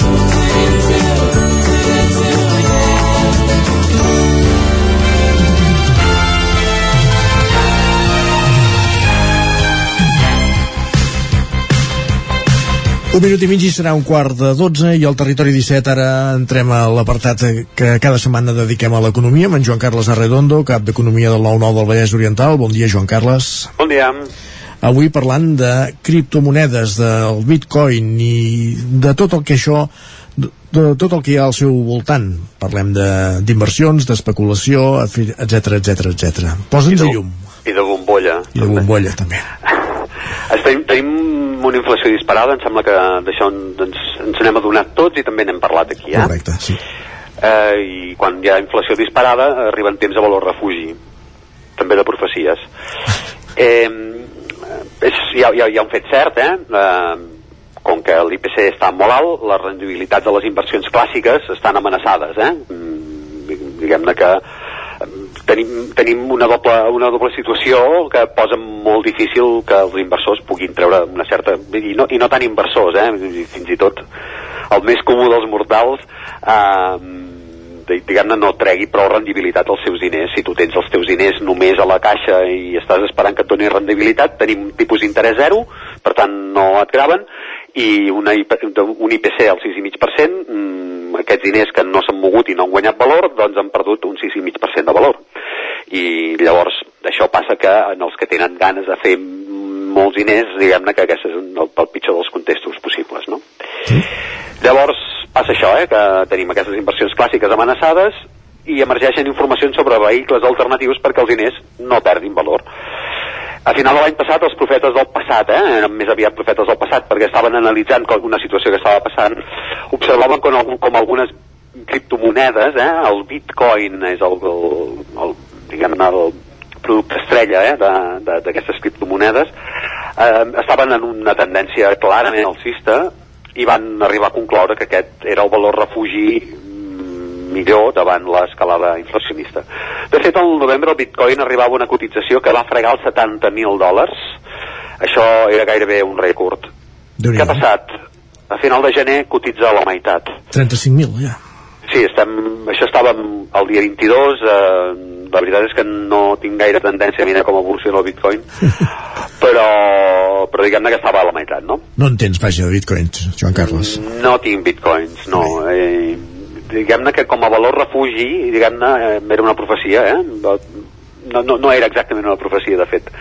Era més aviat una moda, eh? Sí. Uh, això és el que va passar, diguem-ne, en aquella tendència alcista, mm, els, els defensors del bitcoin deuen que puja i baixa sempre, eh? Vull dir que també ha tingut caigudes tan grans com aquesta de, de passar dos mesos a valer la meitat i després s'ha recuperat. En fi, eh, això que, cadascú té, cadascú té les seves, les seves pròpies conclusions en aquest sentit tampoc som qui per, per, per recomanar res no? en els últims mesos de l'any passat eh, quan es va comprovar que ja fos per causes conjunturals, eh? teníem la, el preu d'una energia pels núvols, problemes de subministrament de primeres matèries, eh, una progressiva recuperació de la demanda que havia quedat adormida durant els mesos de confinament, eh?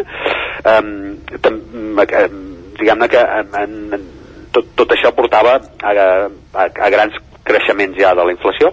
També podria passar que fossin per, per, per fets estructurals, eh? unes polítiques monetàries expansives que són encara vigents eh, des de la sortida de la crisi financera, i això va fer que molts inversors van girar la mirada cap al bitcoin i altres criptomonedes, eh? n'hi ha d'altres, eh? Talentum, n'hi ha, ha d'altres, però la més coneguda és el bitcoin, i quan parlo de bitcoin això és com el pa bimbo, eh? que tot el pa de motllo és pa bimbo, doncs eh, farem això, eh? quan parlem de bitcoin que s'entengui que, que són altres criptomonedes perquè si no ho anirem repetint cada, cada vegada i no... D'acord. Vale? Podem dir criptomoneda com a sinònim, de fet és criptomoneda, però vaja, el bitcoin com a sinònim i tots ens entenem. Ah, exacte. Doncs eh, alguns analistes de la immediatesa, eh, mm, que tenen poca atenció als esdeveniments del passat, el bitcoin ha tingut pujades i baixades molt sovint i, i mm, si tenen poca mirada cap al passat tampoc es pot dir que tinguin una gran capacitat per analitzar el futur, doncs van arribar a qualificar les criptomonedes com l'or 2.0. L'or, mare de Sí, eh, tenim... L'or sempre ha sigut, l'or sempre ha sigut un, un valor refugi, després en parlarem. Um, però això, diguem-ne que, que seria alguna cosa així com qualificar l'or com una inversió de boomers, no? I el, i el, el, el bitcoin com una inversió de millennials, eh? Uh, si, si es vol ser modern, tothom a comprar bitcoins. Um, però si tothom compra bitcoins els de la generació X ja no tenen opció d'invertir de, de fet, no? Uh, aquests estan, estan en, com, com deia el poeta, eh, els exalta el nou i els, i els enamora el passat. El vell, vull dir. Uh, si tothom compra bitcoins i determinats altaveus encanten les excel·lències el preu d'aquesta moneda tendirà a pujar eh? això passa, però la volatilitat és la volatilitat. I de seguida que es va poder veure que, mm, en que el vent va canviar de direcció aquest dos, or 2.0 es I quins són aquests canvis de direcció? Eh? Intentarem explicar-los una mica. Alguns d'aquests canvis van ser normatius. És prou sabut que els àrbitres no sempre solen ser neutrals. Eh? En, diguem-ne que les administracions no són unes enamorades del bitcoin i no li estan posant fàcil. Això és eh, una cosa senzilla d'explicar, ara, ara ho explicarem. Eh? Alguns països on més bitcoins s'estan generant, parlem de generar bitcoins perquè la creació d'aquesta moneda és fruit de complexos algoritmes informàtics que en argot es coneixen com, com a mineria. Eh? Uh -huh. eh, això és com, com per extreure l'or s'ha d'anar a la mina i picar, sí, sí. diguem-ne. Doncs aquí el picar eh, són, és, posar, pantalla, sí. és posar l'ordinador a funcionar. Eh? Correcte. Doncs això, eh, aquests, eh, alguns dels països on se'n feien més de bitcoins han posat badat a les transaccions. Rússia és el segon país amb més mineria després dels Estats Units. Uh -huh. Allà el Banc Central eh, ha proposat que se'n prohibeixin les transaccions sota l'argument que és una amenaça a la pròpia sobirania monetària de l'Estat, a l'estabilitat financera del país, i això passa perquè té una gran capacitat de generar bombolles. Diguem-ne que no han descobert, no han descobert la sopa d'all. Eh? No. Este, és així, el que passa que és veritat que, home, si, si tu li vas regular en contra tampoc li estàs posant, posant fàcil, eh? Um, i finalment eh, el Banc Central Europeu també expressa preocupació per la gran despesa energètica d'aquest mirat massiu eh? eh clar, si tu poses l'ordinador a funcionar i a fer bitcoins doncs diguem-ne estàs gastant molta energia en un moment de, en què tant es parla de canvi climàtic tampoc seria el millor dels moments no? una altra és l'àrea exsoviètica que és Kazakhstan eh? és el tercer productor mundial perquè va agafar el relleu de la Xina on les mesures regulatòries que havien posat allà eren tan restrictives que es va acabar traslladant diguem-ne la producció de bitcoins al Kazakhstan, eh?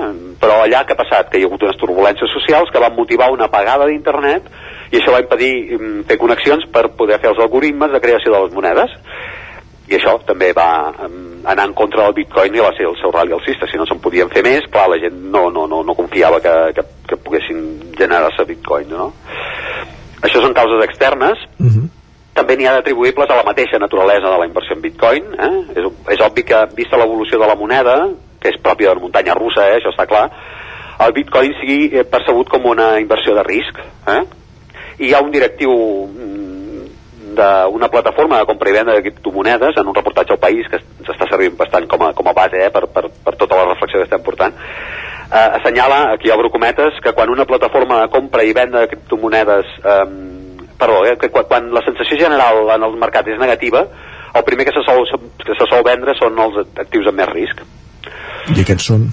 I aquest és el bitcoin, criptomonedes i risc, eh? aquí tenim posat en la mateixa frase.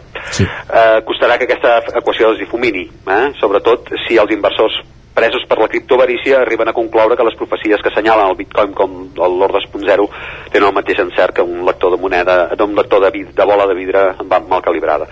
Um, per evitar caure amb la criptovarícia els inversors ben intencionats hauran de tirar de manual eh? i el manual diu que davant d'una inversió desbocada la millor disciplina és diversificar eh, les inversions. Eh, deixar-se portar per la modernitat és un consell encara poc fonamentat, eh, i la constatació empírica és que les eclosions de preu d'aquestes inversions pròpies al segle XXI acostumen a venir acompanyades de baixades igual de pronunciades. I per aquest motiu eh, es poden considerar inversió de alt curt i eh, de, de, de, perdó, eh, i de, de molt risc i per tant que s'haurien d'intentar prendre a curt termini. Hi ha molts altres vehicles inversors que també són de risc, però el personal ja hi està més o menys provingut. Uh mhm. -huh. L'or, eh? el de sempre, eh? no el 2.0. Sí. Ara està tornant a emergir com a valor refugi, cotitza 1.800 euros l'unze, mm, eh, està bastant estable, eh? jo recordo haver-ne parlat fa un parell d'anys quan començava eh, la pandèmia i també aquestes preocupacions per, per quin... Eh, per quin risc podien comportar les inversions i l'or llavors estava emergint, estava pujant i estava a 1.600 eh, euros l'unça. Eh, això...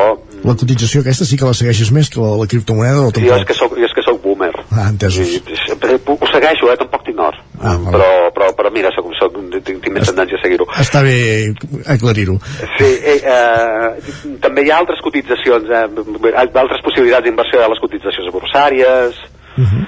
determinades divises, inversions de boomer, eh, la borsa també estan pujant determinats valors eh, ara mateix, eh, bancaris, energètics, petrolífers, Sí, aquest sí que això és molt clàssic, és de boomer, eh? però, sí, sí. però bé, igual, igual els boomers acaben fent més calés o igual l'acaben fent menys perquè, perquè no saben, no són tan àgils a l'hora de comprar i vendre, vés a saber. A dia d'avui tenim una reserva federal nord-americana que toca tambors eh, d'alces de tipus d'interès eh? i hi ha molts inversors pendents a futurs esdeveniments i això està fent que, que les alces de tots aquests valors que estem parlant eh, siguin, siguin moderades, és a dir, si pugen els tipus d'interès, clar, les inversions de menys risc, és tenir el diner eh, més o menys a la llibreta i que et vagi donant una petita rendibilitat i d'aquesta manera, bueno, alguna cosa guanyes, no? I per tant hi ha molta gent que està pendent de si eh, aquestes aquests anuncis de pujades de tipus d'interès, almenys als Estats Units, però que probablement acabaran encomanant després a altres mercats, sobretot occidentals i aquí a Europa, doncs és bastant probable que això pugi i llavors no hagis de buscar tantes inversions alternatives. Eh? Uh -huh. De tota manera, costa pensar que les asles de tipus dels Estats Units, eh, o si mai arriben a Europa, puguin ser dels nivells mm, que, que, que, que, que hi ha ara mateix eh, sobre, sobre les previsions d'inflació. Eh? A l'estat espanyol no es descarta una pujada de l'IPC de més del 3% aquest 2022, eh? que es moderaria fins a sota el 2 el, el, 2020, el 2023 però sigui com sigui un 3% clar, necessites, és cosa. clar, és un tipus d'interès molt alt que necessitaries eh? no, no, crec, no crec que et donin un 3% eh, per, per, als diners, eh, per als diners invertits així no es pot descartar que aquests valors refugi encara estiguin d'actualitat i entre aquests valors refugi hi ha, esclar, el bitcoin i les altres criptomonedes mm, sigui com sigui i sense que serveixi de precedent ens, ens, ens podem alinear amb el que la Comissió Nacional del Mercat de Valors vol que consti en totes les comunicacions sobre les operacions en criptomonedes. Torno a obrir cometes. La inversió en criptoactius no està regulada, pot no ser adequada per inversors minoristes i perdre's la totalitat de l'import invertit. Uh, no està de més que hi hagi una certa moderació, moderació diguem-ne, eh? que sí, sí. els inversors particulars sàpiguen que els experiments és millor fer-los a casa i amb gasosa i que en tot cas eh, els bitcoins és més cosa de professionals segurament eh? i que, i, i, que i no inverteixin està... ben assessorats exacte seria. i que diversifiquin no? bàsicament eh. perquè si tu, si tu jugues tot pot sortir molt malament la jugada això de tenir els ous en diferents cistells ja ens ho deien els avis i exacte. per tant ja, ells no eren ni boomers però, però diguem-ne que tenien sentit comú Uh, que estem doncs davant d'una situació de l'or 2.0 o una inversió inadequada per inversors minoristes. Quina de les dues profecies es complirà? Doncs això, com que no són profetes, ja ho anirem veient. La setmana que ve, en tot cas, venim amb una bola de vidre. Exacte, a veure si la calibrem. Gràcies, Joan Carles, una setmana més per ser el Territori 17. Gràcies a vosaltres. Bon dia. I amb la secció econòmica acabem aquesta primera part de la tercera hora del Territori 17. Farem una petita pausa, res, 3 minutets i tornarem de seguida amb la resta de continguts del programa. Passarem per l'R3 i anirem al racó de pensar avui amb la Maria López, com dèiem, parlant de pares i per crítics. Tot seguit al Territori 17. 3 minuts i tornem. El nou FM, la ràdio de casa, al 92.8. Mmm, quan fa que no menges pluma ibèrica de Salamanca i xuletilles de lechal a la brasa amb una bona amanida? Oh, i un xuletón de vedella gallega? O lechazo de Castilla al forn? Ah, i botillo del Bierzo amb cachelos i col? Ei, i cochinillo a l'estil de Segovia, i tot acompanyat d'un bon celler. Oh, i uns bons serranitos de pollastre, de llom, d'hamburguesa, del que tu vulguis. Per menjar la millor cuina de Lleó sense moure't de casa, vine a El Racó de León. Fem cuina tradicional lleonesa i de mercat. Vine amb la família, amb els amics, amb la parella o sol. T'encantarà. El racó de León. Som al carrer Torelló 35 de Vic. Reserves 93 889 1950. Tanquem els dimarts. El racó de León. Vine a tastar una cuina diferent. A la rostisseria El Plat ens agrada la cuina de sempre, la de les àvies i de les mares. La cuina feta amb paciència com s'ha fet tota la vida. Vine a provar els nostres canelons gruixuts o els croquetons, les nostres croquetes de 80 grams. I recupera el gust del pollastre las com els que es menjaven abans. Ah, i aprofita fins a finals de febrer 20% de descompte en els canelons i el pollastre. Rostisseria El Plat, encàrrecs fins a les 12 del migdia i servei a domicili. Ens trobaràs de dijous a diumenge al carrer Església número 6 de Taradell o al 93 130 35 58 85. Cobertes serveis funeraris. Els nostres tanatoris estan ubicats en els nuclis urbans més poblats de la comarca d'Osona per oferir un millor servei. Tanatori de Vic, Tanatori de Manlleu, Tanatori de Centelles i Tanatori de Roda de Ter. Sabem que són moments difícils i per això el nostre compromís és atendre-us en tot moment amb un tracte humà, sensible i respectuós. Cobertes serveis funeraris. Telèfon 24 hores 93 883 23 46. Les males herbes no et deixen veure i clar? Amb Sebastià Vivet això s'acabarà. Desbrossaments forestals de finques i terrenys, treballs d'hort i boscos amb tractor, tallem gespa a l'engròs, som professionals i tenim tota la maquinària necessària. Truca'ns al 636 24 22 85. Sebastià Vivet, preparats pel que calgui. Cocodril Club. Si t'agrada la bona música dels anys 60, 70 i 80, escolta el 9 FM als matins de dissabtes i diumenges d'11 a 1. És el temps del Cocodril Club, tot un clàssic de la ràdio, amb les bases del pop-rock, les llegendes, les cançons que s'han convertit en autèntics himnes. Recorda, dissabtes i diumenges al matí, d'11 a 1, al 9 FM 92.8. Cocodril Club, el programa revival de l'Albert Malla. Hasta luego, cocodrilo. El 9 FM.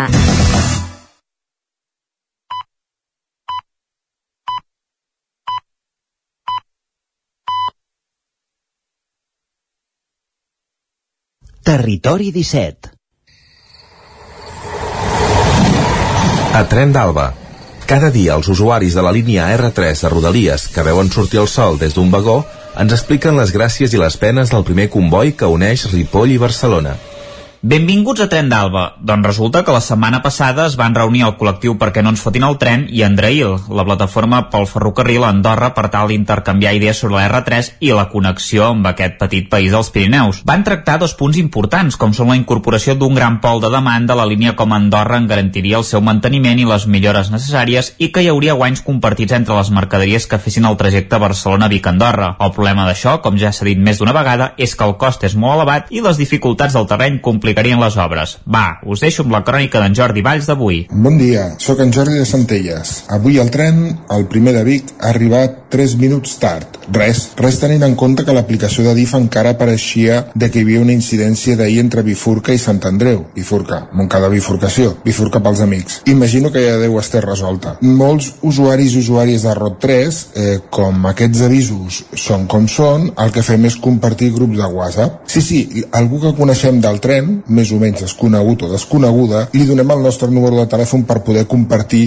doncs, avaries, retards. A vegades, si agafem un semidirecte i els que quedem a Centelles entre la Garriga i Vic, que no paren tots, ja ho sabeu, doncs demanem a veure si hi ha algú perquè ens pugui rescatar. Aquests grups de whatsapps tenen molts funcionaments i molt divertits. El tema dels avisos és algo que la gent d'altres línies se'n fan creus i els de Rodalies flipen del tot. No entenen com podem compartir amb gent desconeguda. És un tema de supervivència. Eh, no ho sé, us aniré explicant coses d'experiències i vivències d'aquests grups de whatsapps com per què els vam fer servir per al confinament i quines dinàmiques i coses divertides es poden arribar a fer. Serà divertit. Vinga, ens veiem i recordeu que una mala Renfe no us espatlli la màgia del tren. Adéu-siau. És una bona idea el fet de compartir incidències amb desconeguts. De fet, és molt més útil que l'aplicació mòbil de Renfe o la informació dels panells informatius, que a vegades pot ser nula. Va, ens retrobem demà amb més històries del tren i de l'R3. Territori 17, el 9 FM, la veu de Sant Joan, Ona Codinenca, Ràdio Cardedeu, Territori 17. Dos quarts de dotze i dos minuts i mig al racó de pensar. El racó de pensar, a Territori 17. Saludem, per tant, la Maria López. Bon dia. Bon dia i benvinguts un dimarts més al racó de pensar, l'espai de Territori 17, on compartim tots aquells dilemes, qüestions, dubtes i inquietuds sobre l'educació. Un espai on nosaltres, els adults, ens anem al racó de pensar i ens replantegem cada setmana en què podem millorar una miqueta. I avui volem parlar d'esports, i és que tothom coneix els beneficis de la pràctica de l'esport per a la canalla, però també pot comportar certs perills, i no pas per culpa de les criatures. A la guia para padres sobre activitat física i salut que publica el Ministeri de Sanitat s'observa que dels elements que motiven més destaca passar-s'ho bé, moure's i compartir experiències amb els iguals. De la mateixa manera, entre els factors que desmotiven i fan que s'abandoni l'activitat física, hi ha la pressió per jugar, la imposició externa de l'activitat i donar més importància a guanyar que a jugar. Si bé és una obvietat que practicar esport és saludable, fins a quin punt aquesta competitivitat, encoratjada en part pels pares o les mares, és sana. Per això avui volem parlar d'esport, però volem parlar de competició, d'exigència, de frustració i també de pares i mares hipercrítics. I per fer-ho comptem amb nosaltres amb l'Edu Cosme, ell és coordinador del Futbol Club Cardedeu. Bon dia, Edu. Hola, bon dia. Ets coordinador del Futbol Club Cardedeu des de fa relativament poc temps, però una de les coses amb les que més has incidit des de la teva arribada és precisament en posar consciència i diferenciar bé el que és la part més formativa de la competitiva, oi?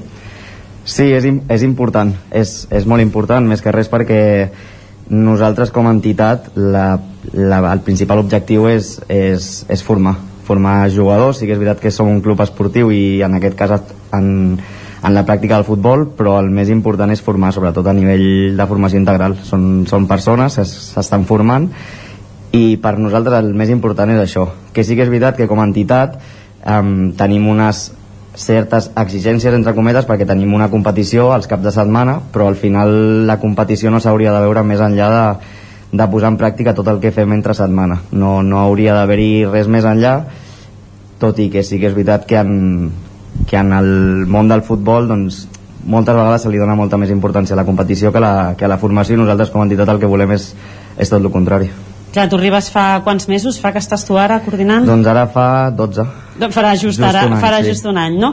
I arribes i d'alguna manera també fer aquest canvi de, de mirada, no? On, vale, sí, estem en, aquests, en, aquests, en aquestes competicions, en aquests nivells, però compte que el que tenim és un, fut, un futbol base que s'ha de potenciar formativament, oi? Sí, és que principalment el, la, la competició, les categories que tu puguis tenir o al final això és una conseqüència de la, de la formació que tu facis. I nosaltres el més important o el que volem centrar-nos és en la formació.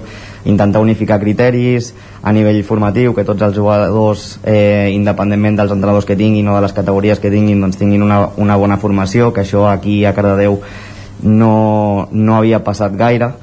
I ho dic des de l'experiència com a jugador llavors nosaltres el que volem simplement és eh, unificar criteris i centrar-nos molt més en la part formativa que no pas en, en la competició que a nivell competitiu sí que és una variable important eh, pels jugadors, per la seva formació perquè al final és una variable que, que hem de tenir en compte però no és ni molt menys la més important.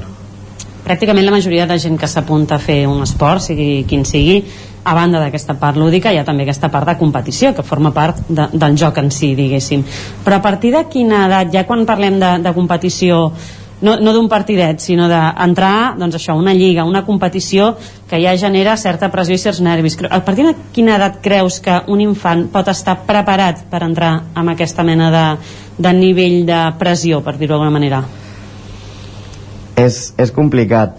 Um, jo crec que preparat, preparat, realment, o ja no preparat, sinó que segurament on nosaltres hauríem de, de posar més el focus en la competició que no pas en la formació seria potser a partir dels 16-17 anys que el, diguéssim que el jugador ja, ja ha assolit les, la seva etapa formativa i a partir d'aquí sí que podríem posar una mica més el focus en la competició i no pas, o, o més en el rendiment i no pas en el, i no pas en la formació però la competició per mi o, o crec que així com a entitat ho intentem transmetre hauria de ser simplement una variable més en la formació del, del jugador. El jugador d'entendre que entre setmana s'estan formant, estan entrenant per posar en pràctica unes coses durant el cap de setmana i que el cap de setmana es donen una sèrie d'errors i una sèrie d'encerts que després la setmana següent doncs, hem de tornar a intentar millorar i, i seguir formant amb, amb continguts, diguéssim, de manera transversal en funció de les etapes, en funció... Igual que, diguéssim, com una escola. Al final nosaltres estem formant i el jugador s'ha de formar no en base a la competició, sinó en base a unes altres variables, com l'edat que tenen, eh, els coneixements que tenen, i, i llavors aquí és on està el, el focus que després això al final quan van sent més grans doncs eh, és més difícil que aprenguin tot i que sí que és veritat que han d'anar que al final tothom aprèn i els més grans, el primer equip o el filial o jugadors amb 20-25 anys segueixen aprenent però aquí segurament se'l jutja més a, a nivell competitiu que no a nivell formatiu però jugadors amb 12 anys amb la part formativa és el 95% o almenys així hauria de ser i és com nosaltres intentem enfocar les coses és curiós perquè d'alguna manera les competicions eh, posen sobre la taula emocions tan, tan potents com la frustració, com la ira, com la ràbia, quan en realitat en la nostra bona educació de, dels infants encara no hi ha una educació emocional des de l'escola i des de molts altres llocs que ajudin a gestionar això, no? I de cop suposo que com a entrenador et trobes que la situació de la competició fa explosionar certs sentiments que te'ls menges tu i a veure com ho gestiones no? com acompanyes a un infant de 10 anys eh, totalment frustrat o enrabiat és, és molt complicat i el, i el problema aquí és que se li dona molta importància a la competició perquè al final el jugador hauria d'entendre o això nosaltres el que intentem transmetre és que ells han d'intentar amb tot el que puguin o el que se'ls vagi presentant doncs intentar resoldre-ho de la millor manera possible i que hi haurà moltes vegades que, que no seran capaços de resoldre el que se'ls plantegi. Hi haurà vegades que perdran partits, hi haurà vegades que perdran la pilota, hi haurà vegades que eh, faran coses que, no, que, que potser no haurien d'haver fet però és important que les facin perquè és important que per aprendre eh, entenguin que s'han d'equivocar primer.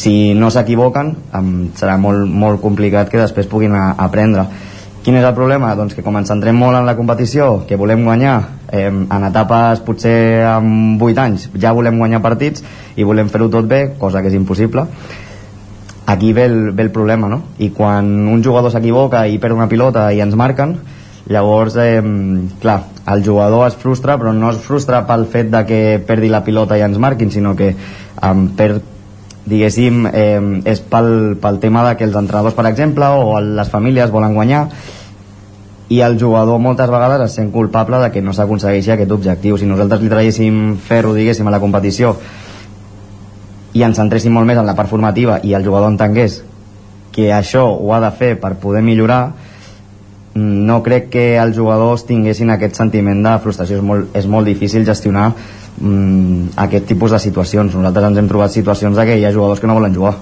perquè el partit és molt important o així l'entrenador els pares els han fet entendre que el partit és molt important que s'ha de guanyar sí o sí i al final guanyar o perdre hi ha moltes coses o molts factors que tu no controles. I al final el jugador el que ha de fer és intentar passar-s'ho bé fer tot el que sap i intentar fer-ho al 100% i al final arribarà fins on pugui després a partir d'aquí per això estan els entrenaments per, per millorar si nosaltres ho enfoquem així hi hauríem moltes vegades que evitaríem certes situacions d'aquest estrès i d'aquesta frustració I, i al final el jugador voldria jugar molt més del que, del que realment ho acaba fent i seguiria jugant molts menys anys dels que segurament ho acaba fent Clar, et deus haver trobat en situacions que potser més petits, no ho sé, eh? però de dir no surto i no surto. Sí. I què fas? mm, recanvis, no? No, no, pots, no pots fer gaire cosa. Ens hem trobat... Jo, per sort o per desgràcia, he, he tingut la sort d'entrenar categories més altes, més, més importants, i al final el nivell d'exigència és, és més alt, però no, no pel fet de que la categoria sigui més important, sinó perquè el, segurament el, els coneixements i el, les habilitats dels jugadors amb els que t'enfrontes doncs són, són més, més alts. Llavors l'exigència, diguéssim, o el, l'error, diguéssim, eh, es paga més car, per dir-ho d'alguna mm -hmm. manera. Llavors el jugador al final té menys marge per, per cometre aquestes errades, o això almenys és el que ell entén.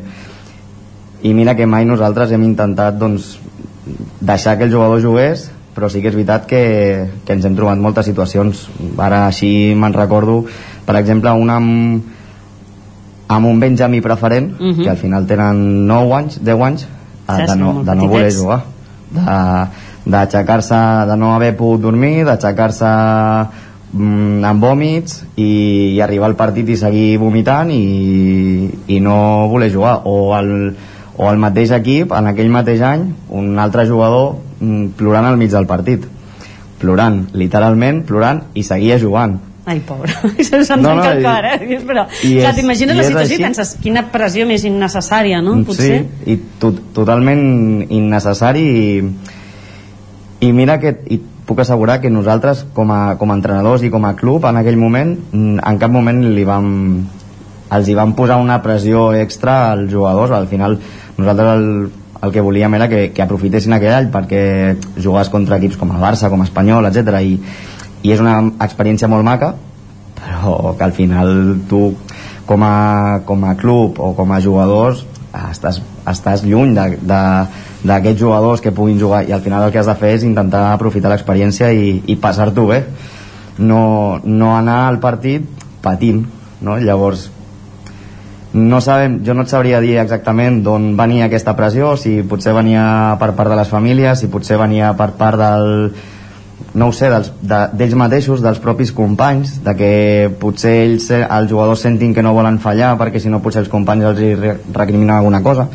Pot haver-hi molts factors que, que provoquin aquestes situacions i, i són molt complicades de gestionar.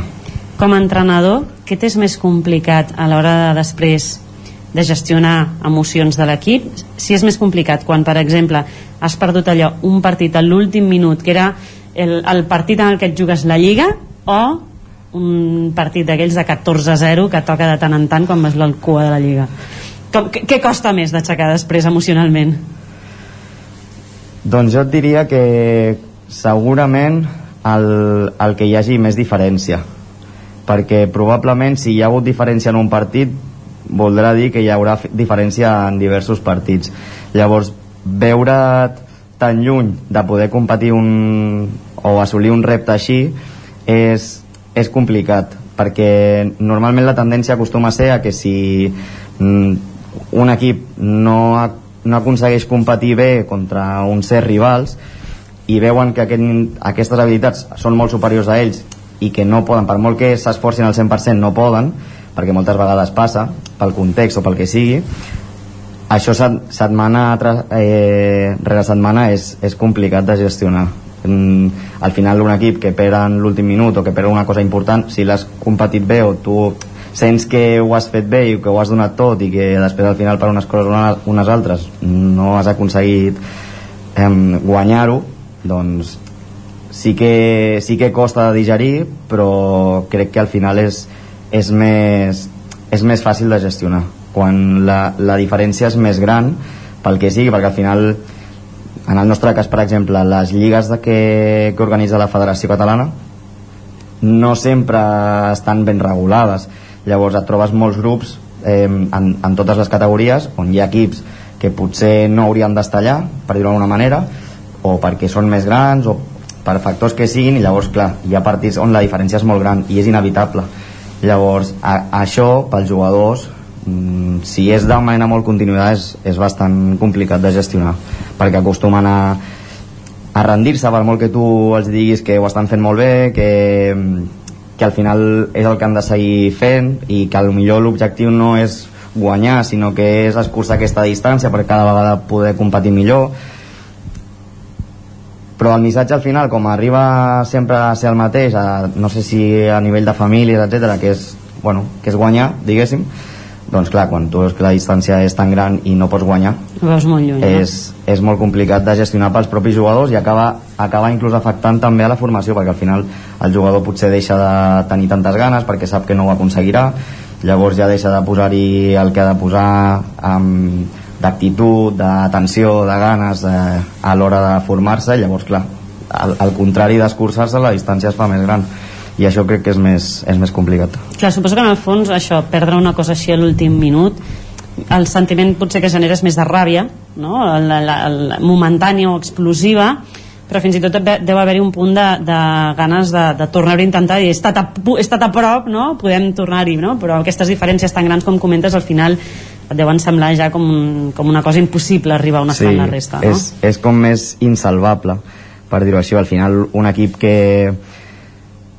És que la, la línia entre guanyar i perdre és molt fina. Al final hi ha moltes coses que tu per molt, per molt que facis bé les coses, hi haurà moltes vegades que hauràs fet les coses molt bé i acabaràs perdent. Uh mhm. -huh. Llavors hi ha, hi ha factors i hi ha certes coses que no, que no pots controlar i en un partit on estigui molt, tot molt igualat i o t'hi juguis un campionat si t'hi jugues un campionat al final la, la línia entre guanyar i perdre serà molt, molt fina llavors et pot sortir cara o pot sortir creu. El que han d'intentar doncs, és in, intentar donar-ho tot intentar fer les coses el millor possible per, per, per estar més a prop de poder guanyar. Però centrar-se en el fet de guanyar, guanyar, guanyar, guanyar si després no guanyes és el que genera més frustració i, i crec que tampoc és bo.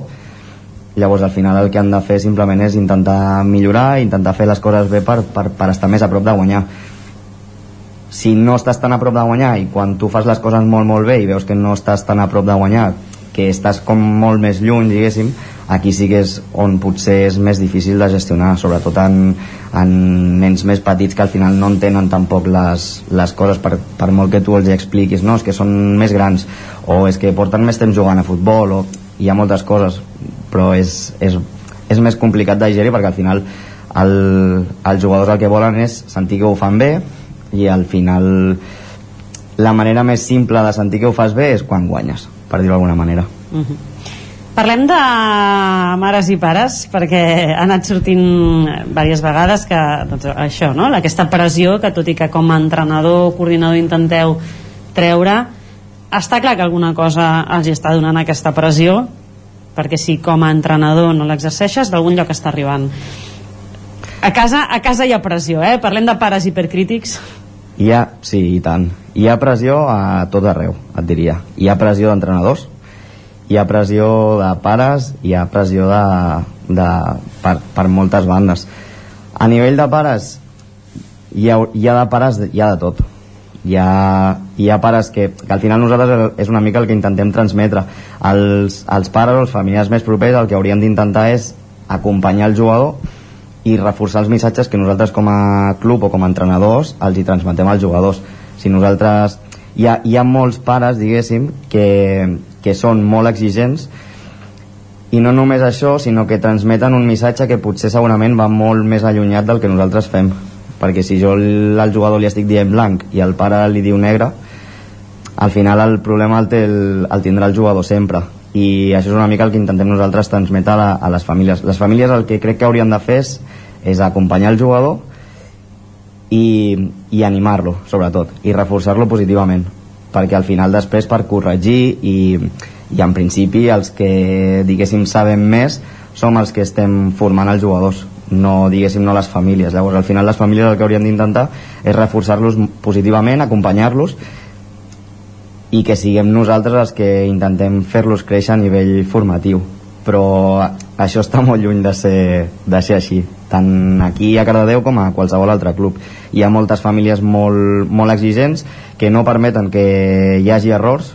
Però al final és el que et dic si hi ha un jugador que la vol passar i la perd i ens marquen un gol i, i per culpa d'aquest error ens han guanyat el partit segurament aquesta família, si és una família exigent o crítica, doncs segurament després del partit parlarà amb el jugador, li dirà que això no ho pot fer, segurament ho farà de manera no constructiva, llavors, clar, a nivell anímic el jugador, la següent setmana, quan tingui aquesta mateixa situació, doncs segurament ja no farà això, però no perquè ell sigui el que ha dit no, que jo m'he equivocat i ho he de millorar, sinó que serà perquè estarà pensant en el seu pare, en la bronca que li va fotre la setmana passada, i, i cada vegada serà pitjor. Llavors clar, és un cúmul de situacions que no són beneficioses pel jugador ni molt menys. I és complicat de gestionar perquè al final tu pots controlar el que, hi ha, el que passa al camp però el que passa de portes a fora a casa de cadascú tampoc ho pots controlar.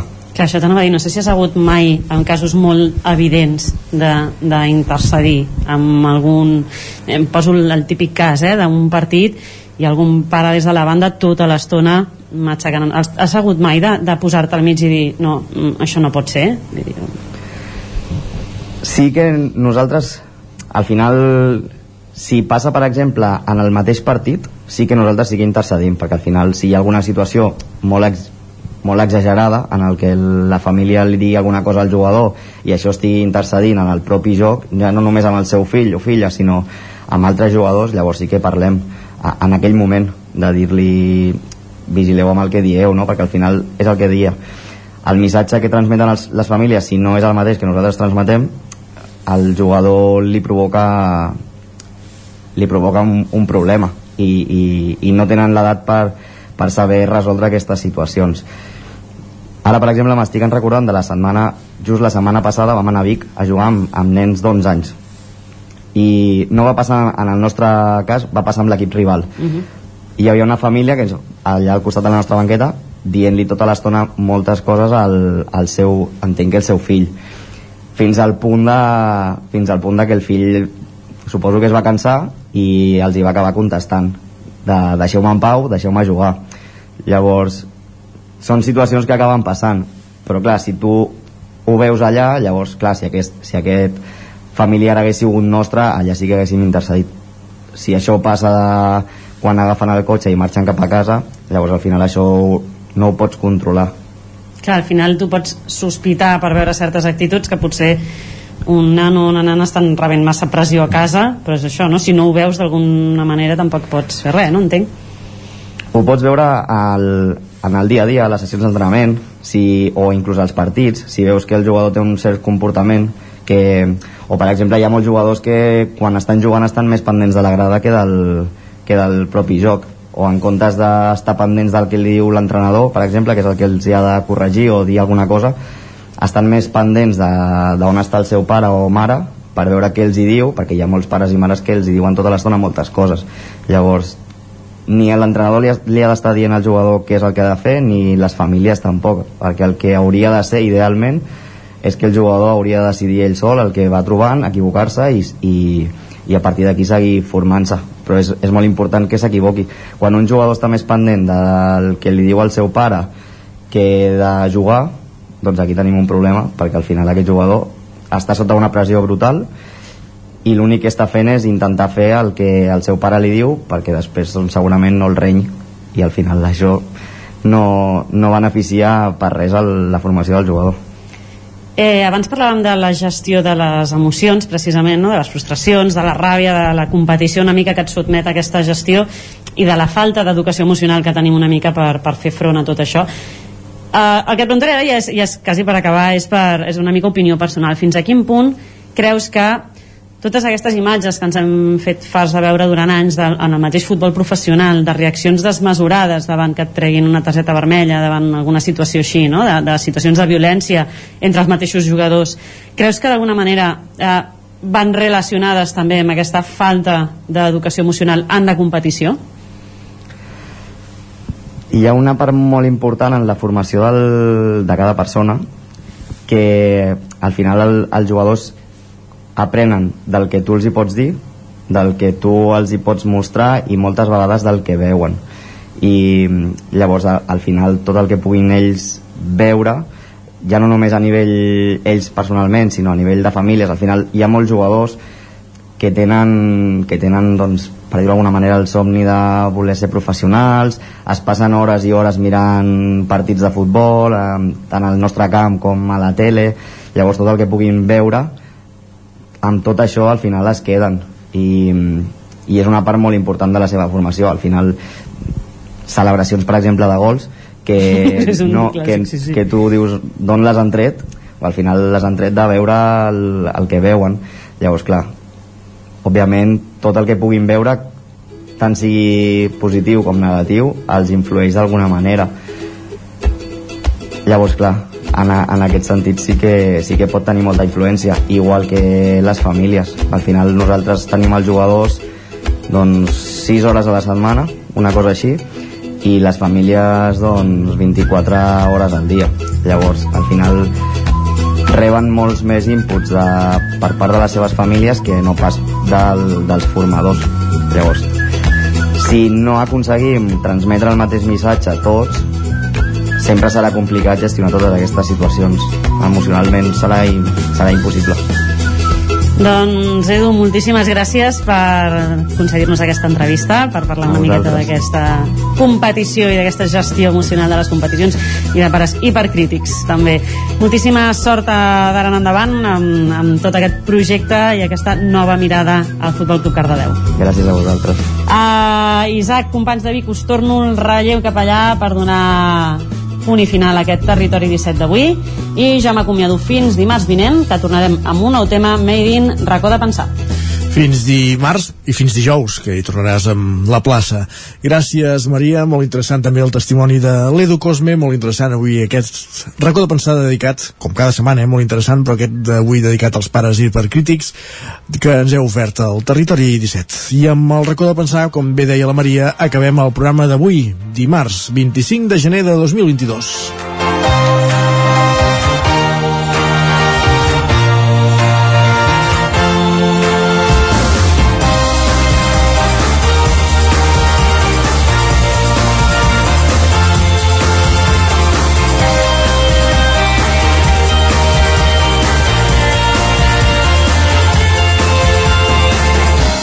Us hem acompanyat des de les 9 del matí Pepa Costa, Òscar Muñoz, Núria Lázaro, Jordi Givert, Isaac Muntades, Natàlia Peix, Guillem Freixa, Marc Ordeix, Joan Carles Arredondo, Maria López, Jordi Sunyer i Isaac Moreno. I tornem demà a partir de les 9 a la mateixa hora, aquí, al Territori 17. Bon dia.